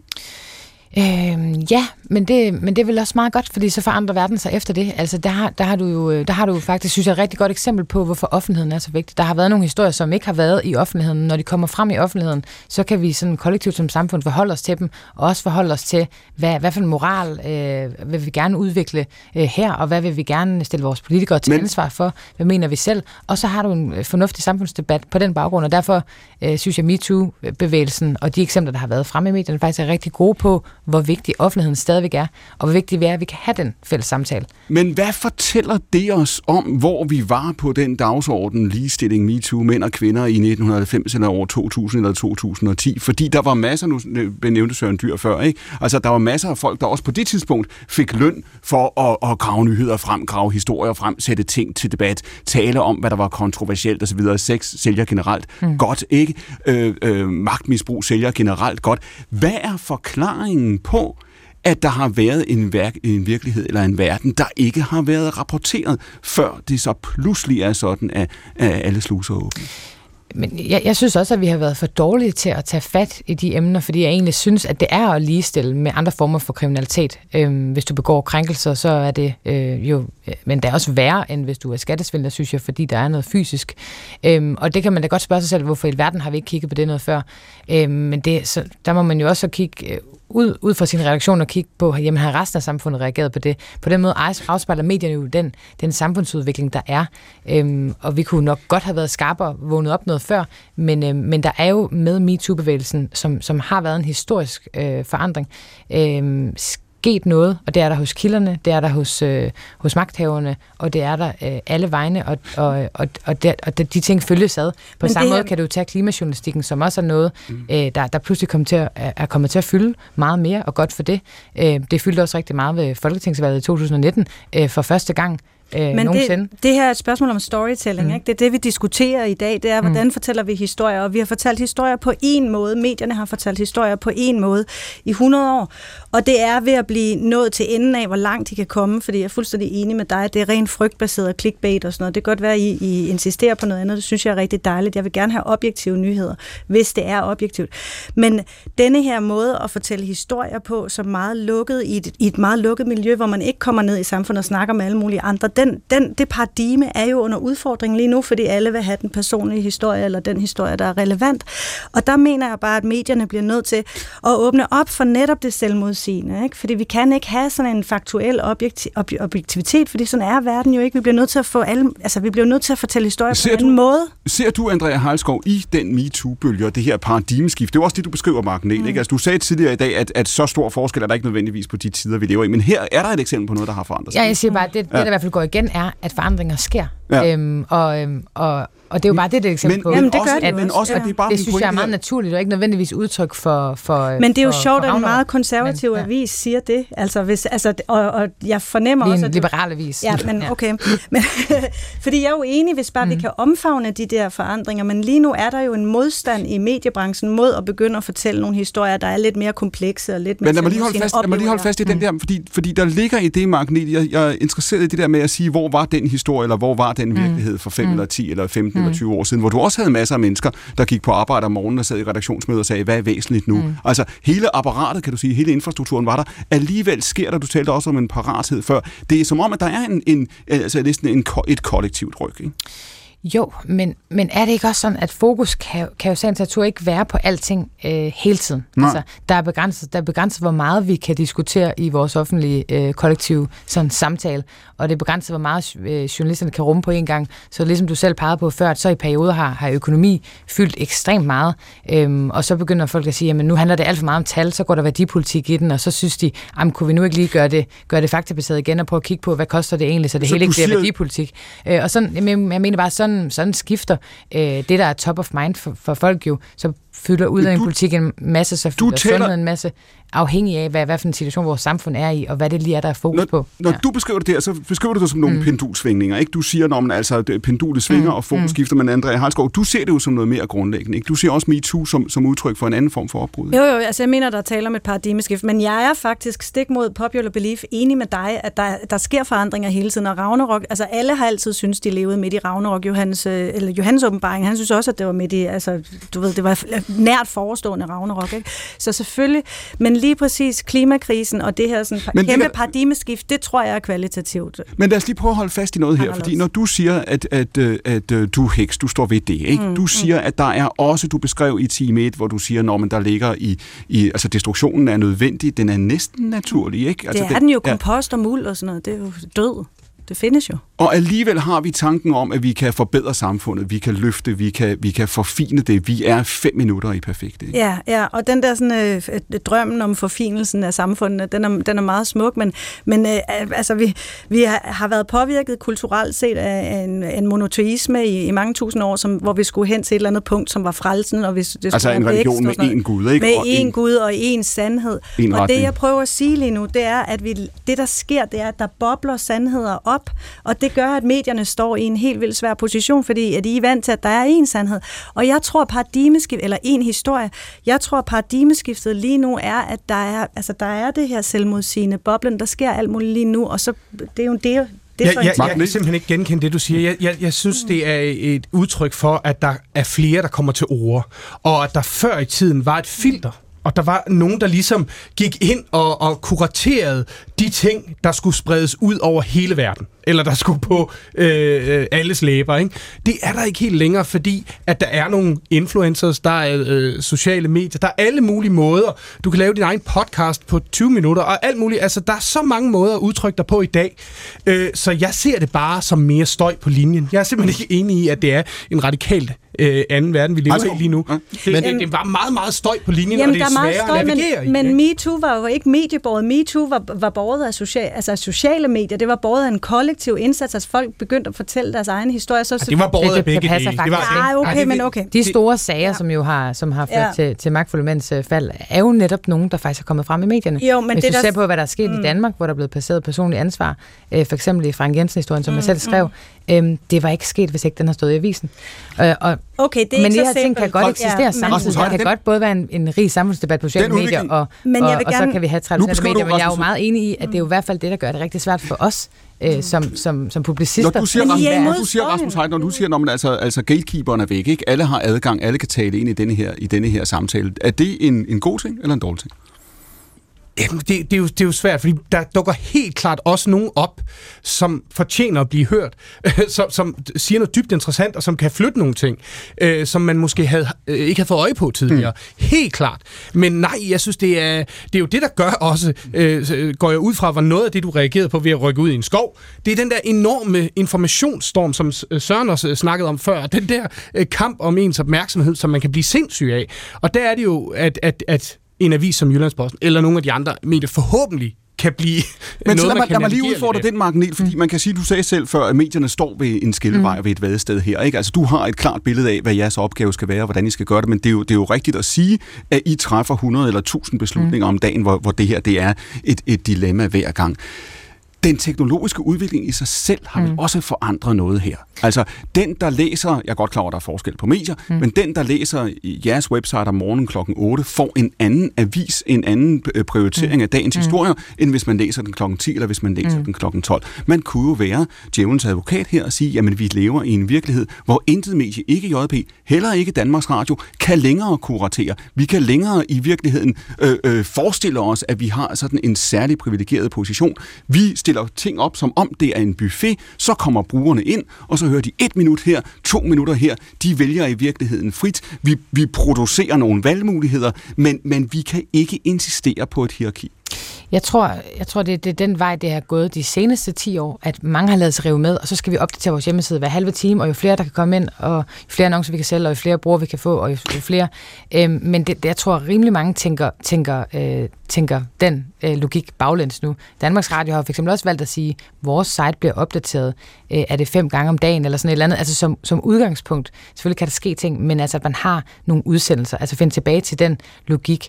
Og på Jyllandsposten er det også helt sikkert, at der er meget større værdi for os i at have øh, loyale læsere, som kan blive til abonnenter, øh, og som, som, som tror på vores kuratering, og som, og som gider at læse vores kvalitetsindhold, end alle de der mange hurtige gratister, der kommer forbi, hvis vi bare kørte breaking gult hele tiden. Så der er ikke en modsætning imellem ønsket om at lave en god forretning, tror jeg, heller på lang bane, øh, og ønsket om at lave god journalistik, og så, øh, og så det lige at skrue tempoet lidt ned og finde tilbage til det, der var vores styrke, som jo netop er Når du, kurateret. når du siger, at jeres målsætning skal være at tilstræbe objektivitet, mm. ikke? jeres målsætning skal være at insistere på kvalitet mm. det her, og du mm. siger, at der skal være en klar opdeling mellem, hvornår det er news mm. og views, ikke? Ja. altså hvornår det er nyheder, og hvornår det er, er holdninger. I vil jo blive mødt, også fra jeres læsere, af folk, der er lidt som det, Andrea Heilsgaard siger mm. før, måske også efterlyser en stillingtagen eller efterlyser, mm. at I skal være. Det oplever vi jo Mm. også i de her år. Vi oplever en meget stærk, skal vi sige, aktivistisk øh, øh, bølge, eller en ak- aktivistisk efterlysning, hvor der står brugere og modtagere i den anden ende og siger, at det er fint med analysen, det er fint med Mm. beskrivelsen, det er fint med diagnosen, mm. men hvad vil du? Hvem er du? Hvad gør du selv? Ja, og de må, de må i så fald øh, læse politikken. Fordi i Jyllandsposten kommer du ikke til at få det svar, men fordi vi tror på, at det er meget bedre, at man, at man, at man lægger nogle oplysninger frem, og så kan de selv handle på baggrund af dem. Og jeg vil så også sige, jeg, altså jeg møder ikke det krav hos Jyllandspostens læser. Tværtimod, hvis vi skriver noget om klima, øh, så får jeg rigtig mange mails, hvor folk siger, er I nu sikre på, at hvis man regner det ud på den og den måde, at at kunne konventionelt landbrug ikke være, øh, være bedre Nej, i længden end økologisk og bla bla. ikke, altså, ja. Nej, men de stiller de spørgsmål, som er, vil I ikke ja. godt lægge fakta frem? Men det er Øh, og altså- hvad koster det mig, hvis jeg ikke må have en brændeovn? Eller hvad det nu er. Harskov? De oplysninger, Jamen, jeg, jeg, som bliver, bare, er- jeg bliver nødt til at adressere ja. det, som du, du nu talte du også til mig omkring at flytte ud i en skov og væk fra støjen og sådan noget. Og det, jeg hører lige nu, mm. det er, at vi vil, vi, vil, vi vil dæmpe støjen, og jeg tror virkelig på, at det kan vi ikke. Der er noget i gang nu, der vil siges, der vil være noget larm, og det skal vi være i. Og vi står her alle sammen som repræsentanter for en eller anden form for kuratering, og det er klart, så hvis vi mister nogle privilegier og noget magt, hvis alle folk bare begynder at larme, så selvfølgelig er vi imod det, hvis vi skal være sådan psykoanalytiske omkring det. Men jeg synes, der er en vigtigere pointe i det, at netop der er mere støj, men det kan der faktisk godt komme noget godt ud af, fordi det, der var før, det var faktisk også støj. Men hvis man påtager men, men... sig opgaven, Andrea Halsgaard, mm. hvis man siger, at, at man skal som mediehus også, eller som universitet, eller som alle mulige andre institutioner, tage ansvar. Mm. Man skal, man skal tage, tage ansvar for sine egne handlinger, man skal handle politisk, man skal på en eller anden måde vise retning, man kan ikke holde sig neutral. Og det er en tendens, Jeg tror ikke på objektiviteten grundlæggende. Nej, det ved jeg. Ja. Men, men, men, men kan risikoen ikke blive, at så bliver alle politikere, så mister alle jo, jo. troværdighed? Jo, jo, så bliver alt jo sådan en nihilistisk bla bla bla land, og det er da klart, det kan vi jo godt have, have nogle protester imod, men det er jo, der sker noget i verden nu, og vi bliver nødt til at gå ind i den bevægelse og forholde os til du at siger, have nogle der snakke. Er, der er ikke nogen neutral grund. Nej, det mener jeg virkelig ikke, der er. Magnet? Det, det mener jeg, at er. Jeg mener i hvert fald, altså, og jeg tror i hvert fald på, at man er nødt til at gøre det så godt man kan inden for de rammer, der nu engang er. Øhm, jeg, så jeg ønsker mig, at der skal være en større tillid til vores politikere og til vores medier, og jeg, jeg er bekymret over, hvad der sker, hvis, hvis, ikke, hvis ikke der er det, fordi vi har sådan set bygget vores demokrati op omkring nogle institutioner. Ligesom vi har bygget vores sundhedsvæsen op omkring, at vi stoler på lægen. Men der ikke nu så jeg, jeg vil også gerne have, at jeg kan stole på lægen, og at, at det ikke er op til mig selv bare at, at finde øh, min egne... er bare brudt for rigtig mange mennesker. Den der, den der virkelighed findes jo ikke. Det, det tror jeg så, den gør stadigvæk for langt de fleste. Og når vi for eksempel undersøger, om danskerne stoler på medierne, så gør det det langt større grad siger... i Danmark end i mange andre lande. Mm. Øhm, og, og altså, statsministeren har jo også mm. gjort det til sin hovedmission, ligesom at prøve at genoprette tilliden til, til politikerne osv. Og, og det, det, den mission, øhm, så kan man jo bryde, bryde sig om det, hun gør eller ej, men den, den mission tror jeg er rigtig. Mm. Du siger, Andrea Heilskov, samfundskontrakten er brudt for rigtig mange mennesker. Hvad mener du med det? Ja, fordi nu er jeg blandt andet selv en, der også har været altså på bunden, hvis vi skal kalde det det. Jeg er sådan en, der springer imellem forskellige segmenter og samfundsklasser. Jeg har altså oplevet nogle helt andre miljøer end medieverdensmiljøets mm. boblen. Og der er bare rigtig mange mennesker, der ikke bliver hørt inde i, inde i det her studie. Der er en virkelighed. Og vi sidder og reproducerer. Jeg var helt vildt enig i, hvad du siger, Dyr, at vi er, vi er jo hamsterhjulet herinde. Altså, vi kører jo også bare, vi står her og snakker og feder den. Og, Men det er derfor, det er så vigtigt problem, jeg tror, problemet altså, er, at jeg kan virkelig godt lide at være i hamsterhjulet. Det morer okay. mig, det her er min drøm. Jeg elsker at være her, men ja. jeg kan godt se det. Ja. Der, der tror jeg, du har ret i noget. Altså, men det er jo ja. derfor, jeg synes, det er så vigtigt, at vi holder fast i, at man faktisk kan lave journalistik mm. til mange, og at, at det ikke kun er de få herinde, som mm. gider at betale for det, eller, eller som, mm. som, som vi formidler det til. For jeg tror faktisk, det er enormt vigtigt lim i vores samfund. Vi har lige besluttet at lave fire nye lokalmedier øh, i nogle byer i Jylland, mm. som, øh, som vi mener var, var for dårligt. Men ligger der så øh, også i det en erkendelse af, Martin, Det er jo tilbage til rødderne, ja. Man kan, sige, man kan sige, det er jo både altså, politikere og, mm. og partier og medier, der de sidste 5-10 år har oplevet, at der har været store dele af befolkningen, som de ikke har hørt. Mm. Det må man jo bare konstatere. Ja. Objektivt, det er objektivt tilfælde i USA, mm. objektivt tilfælde i England, det er objektivt tilfælde i Frankrig, for nu at tage mm. øh, øh, øh, øh, tre eksempler. Hvad nu, hvis man ikke kan nå det? Hvad nu, hvis også øh, dit medie og andre medier og partier osv. Øh, virkeligheden altså, befinder sig i en kamp, de kommer til at tabe, fordi vi står over for en, en, en altså eskalerende udvikling af det her. Vi har kun set starten af en, en kamp om magten, men også om, om en kamp om sandheden. Jamen så, hvis ikke vi kan nå det, jamen, så taber vi jo. Så, så, altså, og hvad der venter på den anden side af det, øh, det, det har jeg egentlig ikke, øh, altså det bryder mig egentlig ikke som spiller meget om at tænke over, for jeg tror, der venter et meget konfliktfyldt øh, samfund, øh, hvor man i endnu mindre grad forstår hinanden, og hvor folk øh, måske griber til, til, nogle, øh, til nogle udtryksformer, som, med, som ikke er, ikke er behagelige. Den, hvad med og, og der, men det er jo lige præcis derfor, jeg tror, det vigtige er, at vi prøver at gøre os ekstremt umage for faktisk at lytte, øh, og prøve at komme lidt tættere på det, vi, vi, øh, vi var her, vi blev sat i verden for oprindeligt. Øh, så derfor vil jeg også hellere, at vi laver en lokal redaktion, end at vi bruger vores penge på alt muligt andet. Og, og derfor ser jeg jo også politikerne i vidt omfang altså være meget bevidst om, at, at de skal vågne op her, hvis ikke løbet skal være kørt. Og det er, jo, det, er jo, det er jo godt, men om vi når det, det, det må vi jo så snakkes videre om om 25 du siger, år. Du siger, du burde dig ikke om at tænke på, hvad der er for enden af den vej. Nej. Nogle mennesker vil jo sige, når man, når man, det er ikke en, et scenarie, det er ikke en risiko, det er virkeligheden. Vi er der allerede. Altså uenighederne er større, end vi troede mm. øh, øh, for 10 år siden, og de kløfter er ikke ved at blive mindre til Øh, jeg mener bare, som, som for en vis som Jyllandsposten, hvis ikke vi har en tilstrækkelig gennemslagskraft, øh, og vi ikke bliver stolet på, øh, øh, og vi ikke øh, beskriver samfundet sådan, som det er, fordi vi måske ikke forstår det, jamen så, så har vi ikke nogen relevans. Og vi fejrer 150 år i år. Hvis vi også skal fejre 150 år mere, så, så skal vi ikke bevæge os ud over kanten øh, på det spørgsmål.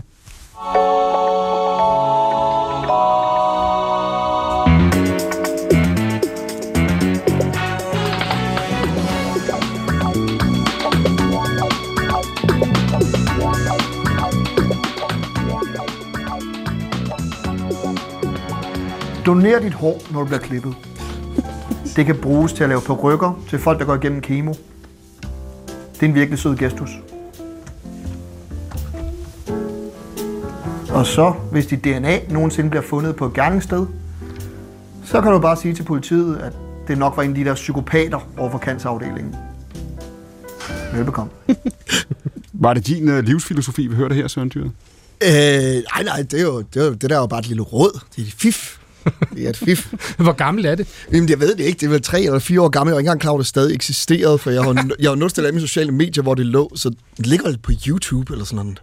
Ja, Hvor, hvornår vidste du, at du ville være stand-up-komiker? Øhm, det har jeg faktisk aldrig vidst, og jeg er jo som sådan heller ikke stand-up-komiker. Øh, det er jo bare en, en... Og det, du afspiller nu, var jo fra et, et, et sketch på nettet. Øh, stand-up har jo sådan lidt... Det bliver jeg sgu aldrig rigtig god til, kunne jeg godt mærke. Hvorfor ikke? Øh, det, interesserede, det står med at interessere mig som udtryksform, fordi at folk, publikum har muligheden for at blande sig for tidligt i processen, fandt jeg ud af.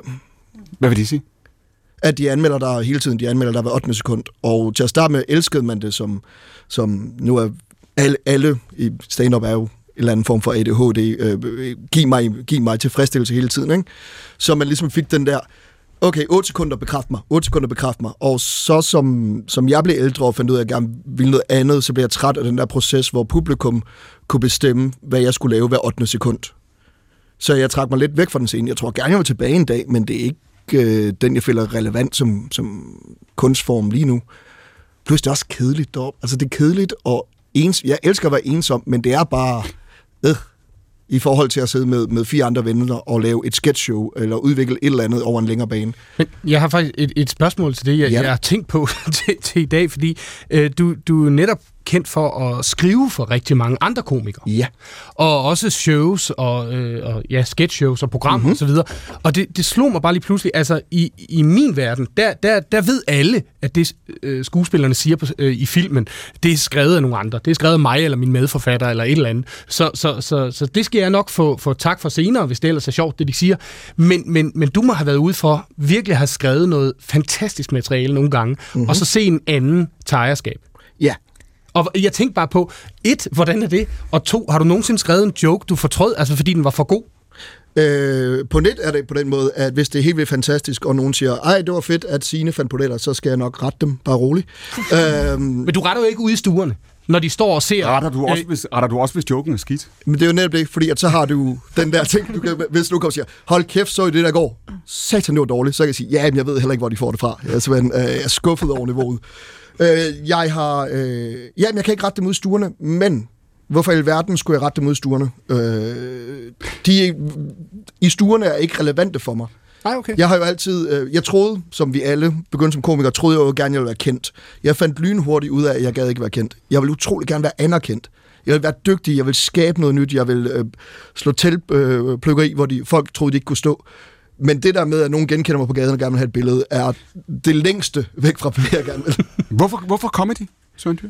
Øhm, ja, der er mange gode grunde, tror jeg. Jeg tror, at øh, som, som Rasmus sagde tidligere, ikke? det og horror, det er sjovt, altså man bliver ældre og finder ud af, at det er de præcis samme værktøjer, du har. Det er præcis samme måde at manipulere folks hjerner på.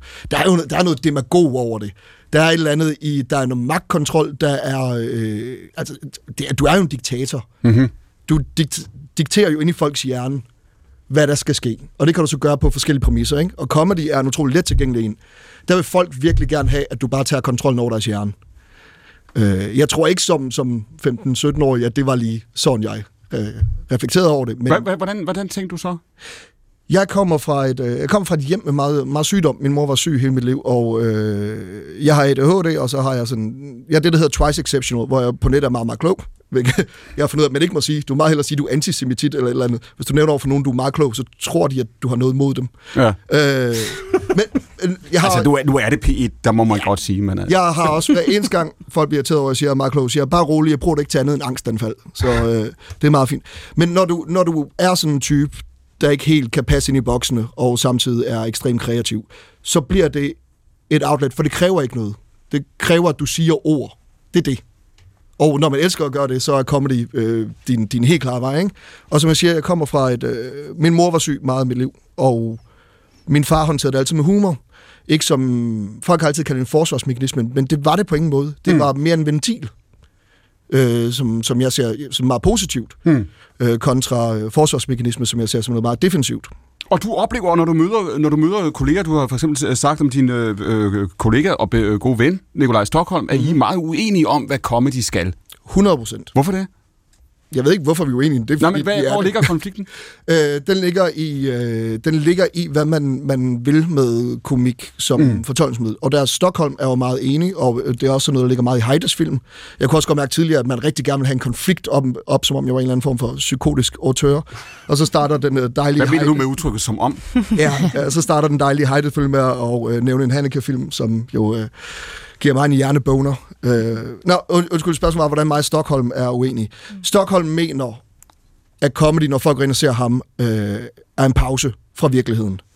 At man går ind, man lukker døren bag sig, ser på sit sæde, og så er han bare sjov for at være sjov. Mm. Du, det er et åndeligt frikvarter, hvor du bare skal grine. Du skal ikke tænke på regninger, du skal ikke tænke på sygdom, du skal ikke tænke på frygtbaserede nyheder. Du skal bare grine af Stockholm fjoller rundt. Og det synes jeg er rigtig fint og respektfuldt og et erhverv, og jeg skriver jo meget med ham og for ham og arbejder sammen med ham. Det er skide fedt. Jeg synes, at comedy er for mig personligt jo, øh, hvor Stockholm går meget op i, og det kan jeg godt forstå, til at betale, hvor mange penge han tjener.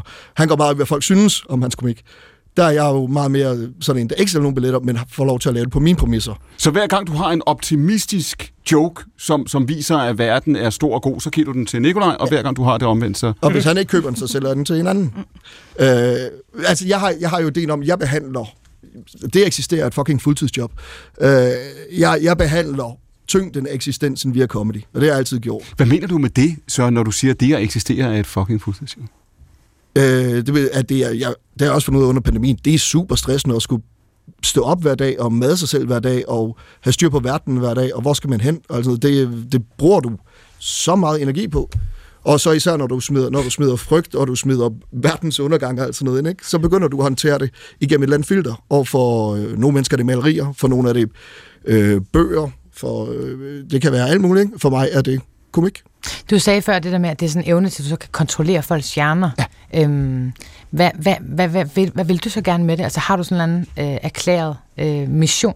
Ja, men men det var det spændende, jeg så fandt mm. ud af i løbet af processen, det er, at hvis du har tænkt dig at kontrollere folks hjerner, så brug det til noget. Ja. Og Hvad, så var hvad det, du så til? Ja. Nej, men det var netop det, hvor jeg siger, at, at, at Stockholm bruger ikke noget til det, udover underhold, Mm. og, og øh, give dem et eller andet endorphin-rush. Jeg vil gerne have, jeg synes, comedy skal gå ondt. Ellers griner jeg ikke. Jeg er jo, øh, og det, det er der jo mange, der ikke kan lide. Men der er også mange, der kan lide det. Og det er jo det, hvor vi talte om tidligere. Jeg føler, at samfundsdebatten er død. Fordi øh, udover MeToo, den når sådan nogle højder, hvor alle er klar over det, ikke? Mm. Så ligegyldigt hvad vi debatterer, så debatterer folk jo i deres egen kamre. Så der kommer altid at være en debat, som JP tager op, som, hvor de har de, alle mennesker, der diskuterer. Fordi dem, der gerne vil diskutere øh, den sag, mm, de er over på Facebook, eller de er på Nationen, eller de et eller andet sted. Alt finder sin egen ekokammer. Jeg har ikke behov for at komme ud til Danmark. Jeg har ikke behov for anerkendelsen i stuerne. Jeg vil bare gerne afvikle min egen ensomhed i det at eksistere ved at finde nogle mennesker, der griner af de samme ting, som jeg gør. Der griner det, det synes jeg er helt vildt smukt, og så vil jeg bare sige, at den mest øh, simple definition af magi overhovedet, som vi opererer med i heksekredse, det er, magi er evnen til at manipulere med energierne med sin vilje. Og det er jo egentlig det, du gør. Ikke? Ja. Du, vil ind, du vil ind og manipulere med nogle energier, og så vil du gerne gøre det på en eller anden måde, for at folk skal åbne deres hjerte. Kunne Søren Dyr blive en god heks? Jeg, jeg tror, Søren Dyr er en heks, helt ærligt. Øh, jeg siger tak. Jeg havde, jeg havde jo... Øh, Det er her, du stedet finder ud af det. Det er det, der er, det er, det, der er programmet. I stedet for magi havde jeg jo brugt ordet øh, propaganda. Men, men ja, Det samme jo. Ja. Jeg synes, det er sjovt, at du, at, at, at du, nu ved jeg godt, du trækker det selvfølgelig skarpt op med Stockholm og sådan, men jeg, jeg øh, synes jo, det er interessant, fordi jeg gør jo alt, hvad jeg kan for at lave en trailer og en plakat og så videre, der kommunikerer Stockholms budskab. Mm-hmm. Men jeg vil slet ikke kunne lave en film, hvis jeg ikke angreb det ligesom dig. For mig er det enormt vigtigt, at alle grin har en betydning. Mm. At det har en værdi, og at det har et budskab, som bliver kommunikeret gennem grin.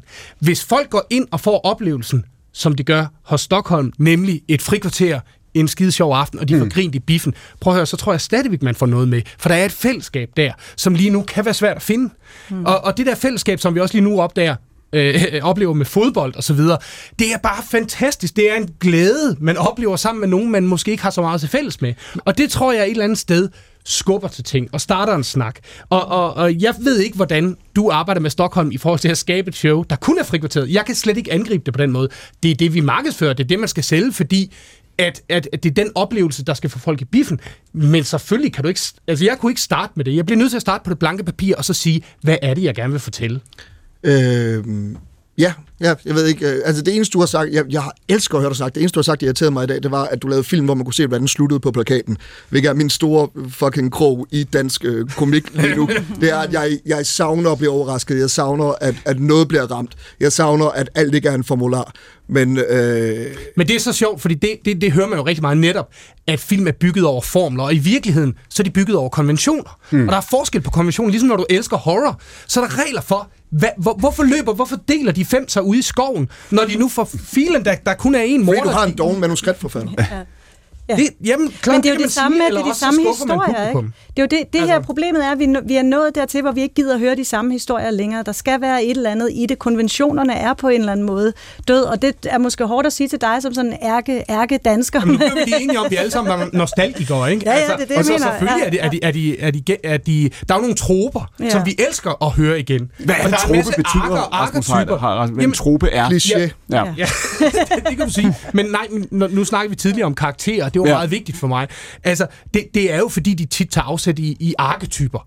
Ikke? Mm. Altså, øh, som, som på en eller anden måde bliver en indkogt essens af en meget banal følelse, der findes i os alle sammen. Det at blive sprunget over, det er ikke at blive set, det er ikke at blive taget med på råd. Jamen, det kan du koge ind til en karakter op Sådan- på lærred, hvis verden op på lærredet er simpel nok. Ja, Søren, alt er jo bare Joseph Campbell fortalt på mm, øh, manden, præcis. som skrev ideen om ja. de tusind myter, han hed. Øh, bare for, altså Heldens Rejse fortalt for Hero's. Journey, ja. Mm. Ja, og det var derfor, ja. jeg elsker, du sagde Hanneke, fordi mine to yndlingsfilm i hele verden, ikke? Den ene er Airplane, den gamle, ja. Ja. gakkede komedie fra 70'erne. Højt at flyve. Ja, tak. Og den anden er øh, Funny Games.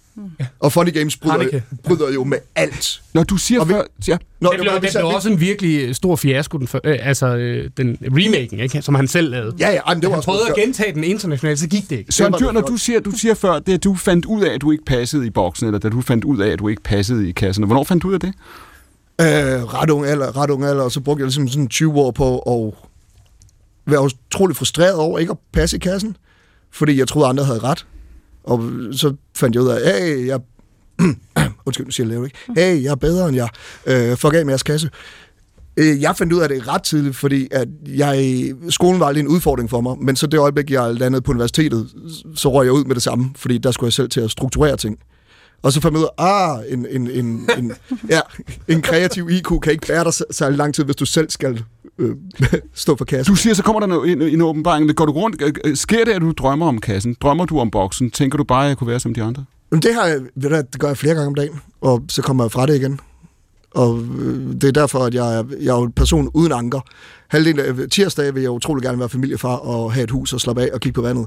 Og så dagen efter gad jeg helt vildt godt til øh, øh, Burning Man og aldrig nogensinde snakke med nogle mennesker, jeg kender igen, og genstarte mig selv. Så du, du siger, det er, ikke, det er ikke et sted i din tilværelse, hvor du træffer en beslutning og siger, altså normaliteten, eller kassen, eller boksen, eller, eller altså paradigmet, det er ikke for mig. Det er ikke en, altså det, du har ikke vendet dig til at have valgt det fra, eller? No- normaliteten er jo en, er jo en middagslur, ikke? Normaliteten er en middagslur. Men det er den jo. Det er et godt citat. Det er jo virkelig hyggeligt. Det er virkelig hyggeligt at ligge der midt i solen og så vågne. Men så bagefter skal du også videre. Altså, du kan ikke blive i den jo. Du kan ikke sove for evigt. Jeg kan, jeg kan til, ja, ja, fordi jeg har også alle mulige diagnoser og er såkaldt neurodivergent. Det er et rigtig godt ord. Så jeg kan totalt forholde mig til dig. Og jeg tror, noget af det, der har været problemet, det er, at i den der sådan mainstream kasse af historier, har der ikke rigtig været plads til netop det her, hvor man flexer lidt, hvor man den ene dag har lyst til det ene, og den, ene dag har, den anden dag har lyst til det andet. Det er noget af det, vi mangler i vores storytelling. Den er simpelthen blevet for kedelig. Mm. Det er jeg totalt enig med dig. Du sagde i time 1, det der med, at vores, vores opfattelse af, hvad normalitet er, den, det er blevet for snævert. Kassen er for lille. Jamen, det, det oplever jeg, den er, og det kan godt være, at den, den ikke er for dig, og det tror jeg sikkert, det er både din personlighed, og så også at, altså det, den, det liv, du lever i, og sådan noget. Men, men jeg oplever, at for mange mennesker, så er det blevet for snævert, og det var også derfor, vi tog op i skoven, fordi så havde vi ligesom, nu havde vi fået de der børn, og det der hus, og det der arbejde, den der bil, og vi løb og løb, og havde aldrig tid nok, og vi havde aldrig penge nok. Så det er sådan, is this it, hvis man gør det, man skal? Er normaliteten så fed? Jeg er totalt enig med dig i, nej, den er en middagslur. Man skal ville noget i sit liv. Men, men jeg synes men, ikke, jeg... det er en modsætning. Jeg synes på ingen måde, det er en modsætning. Altså, jeg sidder, jeg har altid følt mig sindssygt almindelig, og altid været super glad for det. Altså, alle statistikker, der kommer i aviser og på nettet, de rammer altid mig bullseye. Altså, den dag, jeg besluttede mig for, mm. ud af det blå ting, jeg vil da ned og give blod, fordi jeg hørte fra min læge, at jeg havde en eller anden øh, særlig blodtype, der kunne sprøjtes ind i alle i nødstilfælde og sådan noget. Så jeg, det skal jeg da dele ud af. Og så læser jeg dagen efter i avisen, for mange danskere vil donere blod, stop, og så videre.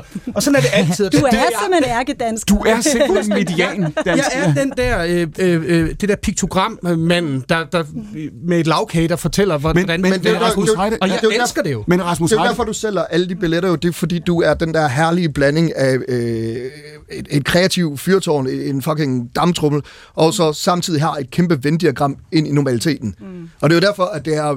Altså, jeg er ikke engang selv stor fan af de, de store auteurs, men at de jo kan skabe noget, som jeg aldrig troede kunne skabes, og jeg er meget fascineret af det.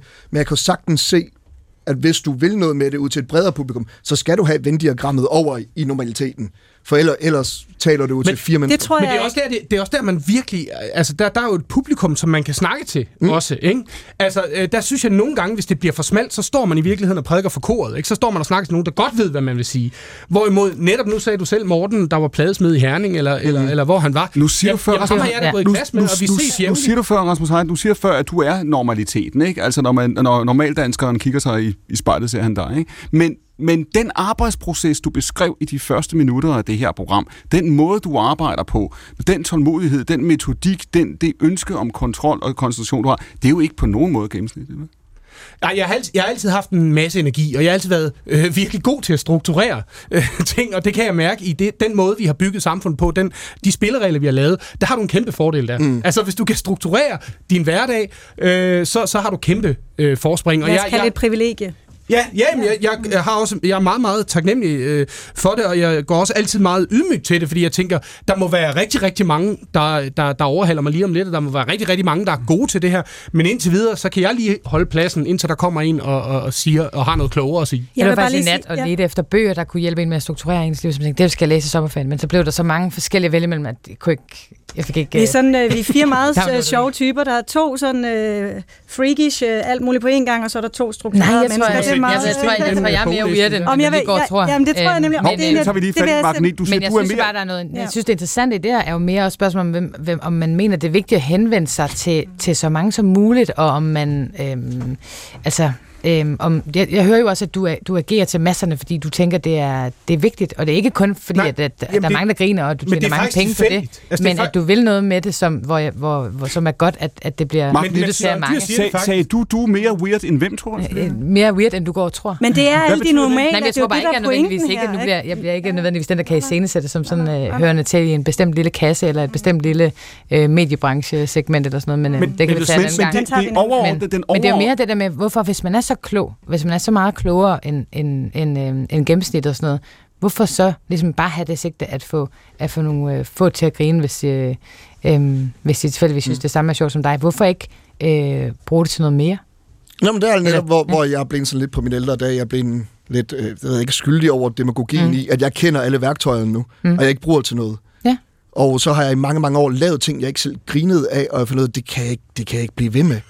Altså, jeg siger aldrig nej til at arbejde på net, fordi at, øh, til at starte med erklærer I alle sammen, at man ikke bliver øh, lykkelig af at være rig. Og altså, øh, jeg kan da godt prøve. Jeg sagde det ikke. Jeg, kan, jeg, jeg, jeg, faktisk tænkt over, sådan, det er, jeg skulle det, lidt lykkeligere jeg, jeg, tror, man er, jeg tror, det er lettere at blive lykkelig, hvis man er rig, end hvis du man siger, er det er super fattig. Og man kan i hvert fald nemt blive ulykkelig, hvis man er fattig. Det er du, du, siger, du siger, at du er klar til at løbe risikoen ved at blive rig. Det er det, jeg hører sige. Jeg øh, har i hvert fald tænkt mig at tage en samtale i morgen om at blive influencer på JP, kan jeg godt mærke. Ja, det er klart. Nå, men, men jeg blev nødt til at skabe noget, der reflekterede, hvem jeg var, og så kaste universet i håbet om, at der kom nogle andre mennesker og siger, ja, yeah, ja, fedt, vi hører dig, i stedet for at prøve at få en krammer af så mange forskellige mennesker over hele landet, som jeg overhovedet kunne. Jeg bliver nødt, det her det er ensomhed. Alt hvad jeg laver er, er baseret på eksistentiel ensomhed.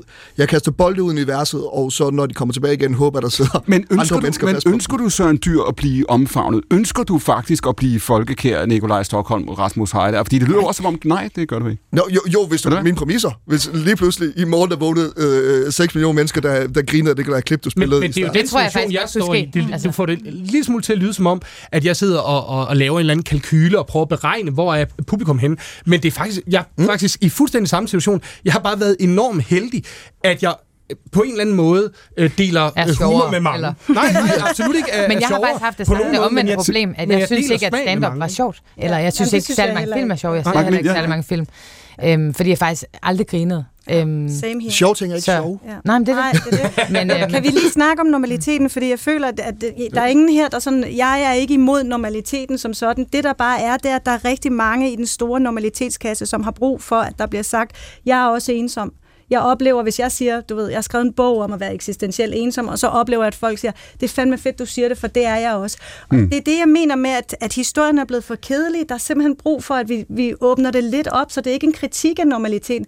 De normale har vildt mange følelser, men det er ikke altid, det bliver spejlet i vores historiefortælling, så det er et historiefortællingsproblem. Men er der Nej, nej, men er det man rigtigt, hvor meget- men er hvor meget er det- sådan laveste fællesnævner. Præcis, ikke? det er det, jeg Men- mener. men- Præcis. Nå, jeg, uh, vi nærmer os det sidste. Ja, men- men men, hvor, meget, hvor meget er det, altså når du taler om normaliteten på den måde, så lyder det Ja. som om, du siger, at altså, samfundet skal udvide sin definition af, hvad der er normalt. Eller Men der er jo ingen, der kan være, der er jo ingen, der er normale jo. Nej, men Det er så- et ord for statistik, Ja, men medial, præcis, men ja. Men, Derfor er I heller ikke så ensomme, som I tror. Fordi Nej, det er det, det er vi jo Der- ikke. der Det er er derfor, vi står her Men det er derfor, man bruger til at finde det. jo. De damer og de her, en af gangen her, jeg skal bare høre, Andrea Halskov her, når, når man siger det på den måde, så lyder det som om, der er nogen, der skal gøre noget. Ikke? Vi skal have et andet begreb osv. Det kan jo være, at, at, at det, der strukturerer os, eller det, der gør os ens, eller det, der bringer os ind i hamsterhjulet, det er, at vi søger det fællesskab. Vi søger normaliteten. Vi vil fandme gerne stemple ind der, hvor de andre er. Vi Det vil gerne noget- være med i stammen, ikke? Vi er, vi er flokdyr, mennesker Men så er, der jo heller ikke flokdyr. noget, der kommer, så er der heller ikke noget, så er der heller ikke noget, Andrea, der kommer ovenfra, så noget, der kommer indenfra. Jamen, det tror jeg da, og jeg er da totalt enig med dig, at det vi oplever i EM og sådan noget, stå i sådan blandt, øh, hvor mange tusind mennesker og brøle, det er, det, altså, det er jo, vi er jo helt nede i instinkterne, det vil vi gerne. Så de der følelser, de skal jo for, fortælles, og der skal åbnes for dem, og jeg har det ligesom dig, at når jeg ser de der øh, comedy og sådan noget, jeg- er bare ikke med i klubben, altså. Søger vi fællesskabet, Mark Niel? Søger vi, søger vi også i de her år øh, øh, fællesskabet? Det tror jeg faktisk på mange måder, vi gør. Og, og, og det er også derfor, at systemerne prøver at indrette sig, så de omfavner så mange som muligt. Og det, det ud, altså, krystalliserer sig så i diagnoser og alt muligt. Og så bagefter kan man finde ud af, at de, de, de omfavner måske heller ikke øh, dem, de skulle. Men det er jo alt sammen forsøg på på en eller anden måde at organisere sig. Altså et fællesskab, der prøver at løse og, og håndtere den diversitet, der er, men som, øhm, som systemer er jo, jo er øhm, forsimplende. Mm. Øhm, og det er medierne, og det er vores, øh, vores samfundsstruktur. Men det er stadig- sikkert også, men, men den er jo i forandring, og det er jo, ja. Men det er jo interessant, at du så lige øh, øh, mm. ud af mundvinen kastede et udtryk, som at det, det bare var laveste fællesnævner. Mm. Altså, det er jo tydeligt et udtryk, du brugte negativt. Hvor Nå, rent matematisk ja. er, er, mm. er, er laveste fællesnævner jo ikke på nogen måde negativt. Nej, det er jo nemlig meget logisk. Det er meget flest i gruppen, Ja. ikke også? Ja. Og lige nu er laveste fællesnævner EM i fodbold. Ja. Og, og det er fantastisk, og det er enormt svært. Altså, Og der er et kæmpe det håndværk. Det kan Søren Dyr snakke mere om. Der er et kæmpe håndværk i at arbejde med de her ting. Øh, om det så bliver formularisk, det skal man selvfølgelig prøve at undgå. Det er klart, men det skal ramme. Selvfølgelig. Få mange, forhåbentlig nogen, man deler øh, humor med. Ja. Du, du sagde er sammen før. Rasmus Reidi, at du, har- du har været heldig, at det, du gerne vil, er det, som andre kan se sig i. Ved du hvad, jeg, der er ikke mange, der, der, eller jeg, det, er ikke, det, er ikke, det er ikke en holdning, jeg møder, når jeg snakker med folk, men jeg faktisk, føler jeg selv, fuldstændig kompromilløs i mine film. Det er 100% hvad jeg synes er sjovt, for jeg skriver det selv, eller sammen med nogen, jeg, er i, jeg, jeg deler smag med. Mm. Øh, så på den måde har jeg været enormt heldig, jeg ydmyg, øh, meget, meget taknemmelig for, at, at der er nogen i biografen, der har lyst til at se det. Og der er intet, jeg hellere vil, end at lave en film med dig. Jeg er pjattet med dig. Jeg gad bare godt lave en film, der lignede et Michael Kvium-maleri. Ja, jeg, Men- jeg, vil gerne være med i den film. Hvad Jeg har spørge? Mikkel Kvium, så, så, så, så det jeg, der, jeg kan godt se, hvad du mener. Skal Du lave. Jo, hvad synes I om Ace Ventura 2? Øh, jeg synes, den tog flere chancer end etteren, hvilket jeg meget godt kunne lide. Men den er ikke ret sjov, faktisk. Ved du hvad, øh, Det er, den, de, det er den eneste film, jeg synes er sjov. Er det, Den er det Mark sygt sjov. Undskyld, her, det er, jeg kan love dig, det Det er er her, vi slutter. Du Ja. siger, det er Mark Niel, der siger, at det eneste, du synes er sjovt, det er Ace Ventura 2. Ja, Og den er de her sikkert to, det er sindssygt så sjovt. Jeg begynder næsten... Prøv at høre, hvad de griner We allerede. made it. Ja. When nature calls.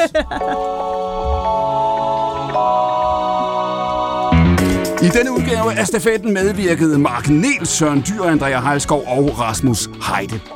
Vi er tilbage på søndag kl. 12.15. Dette er Danmarks Radio Program 1. Mit navn er Clemen Kærsgaard, og nu er der radioavis kl. 14. Gå på opdagelse i alle DR's podcast og radioprogrammer. I appen DR Lyd.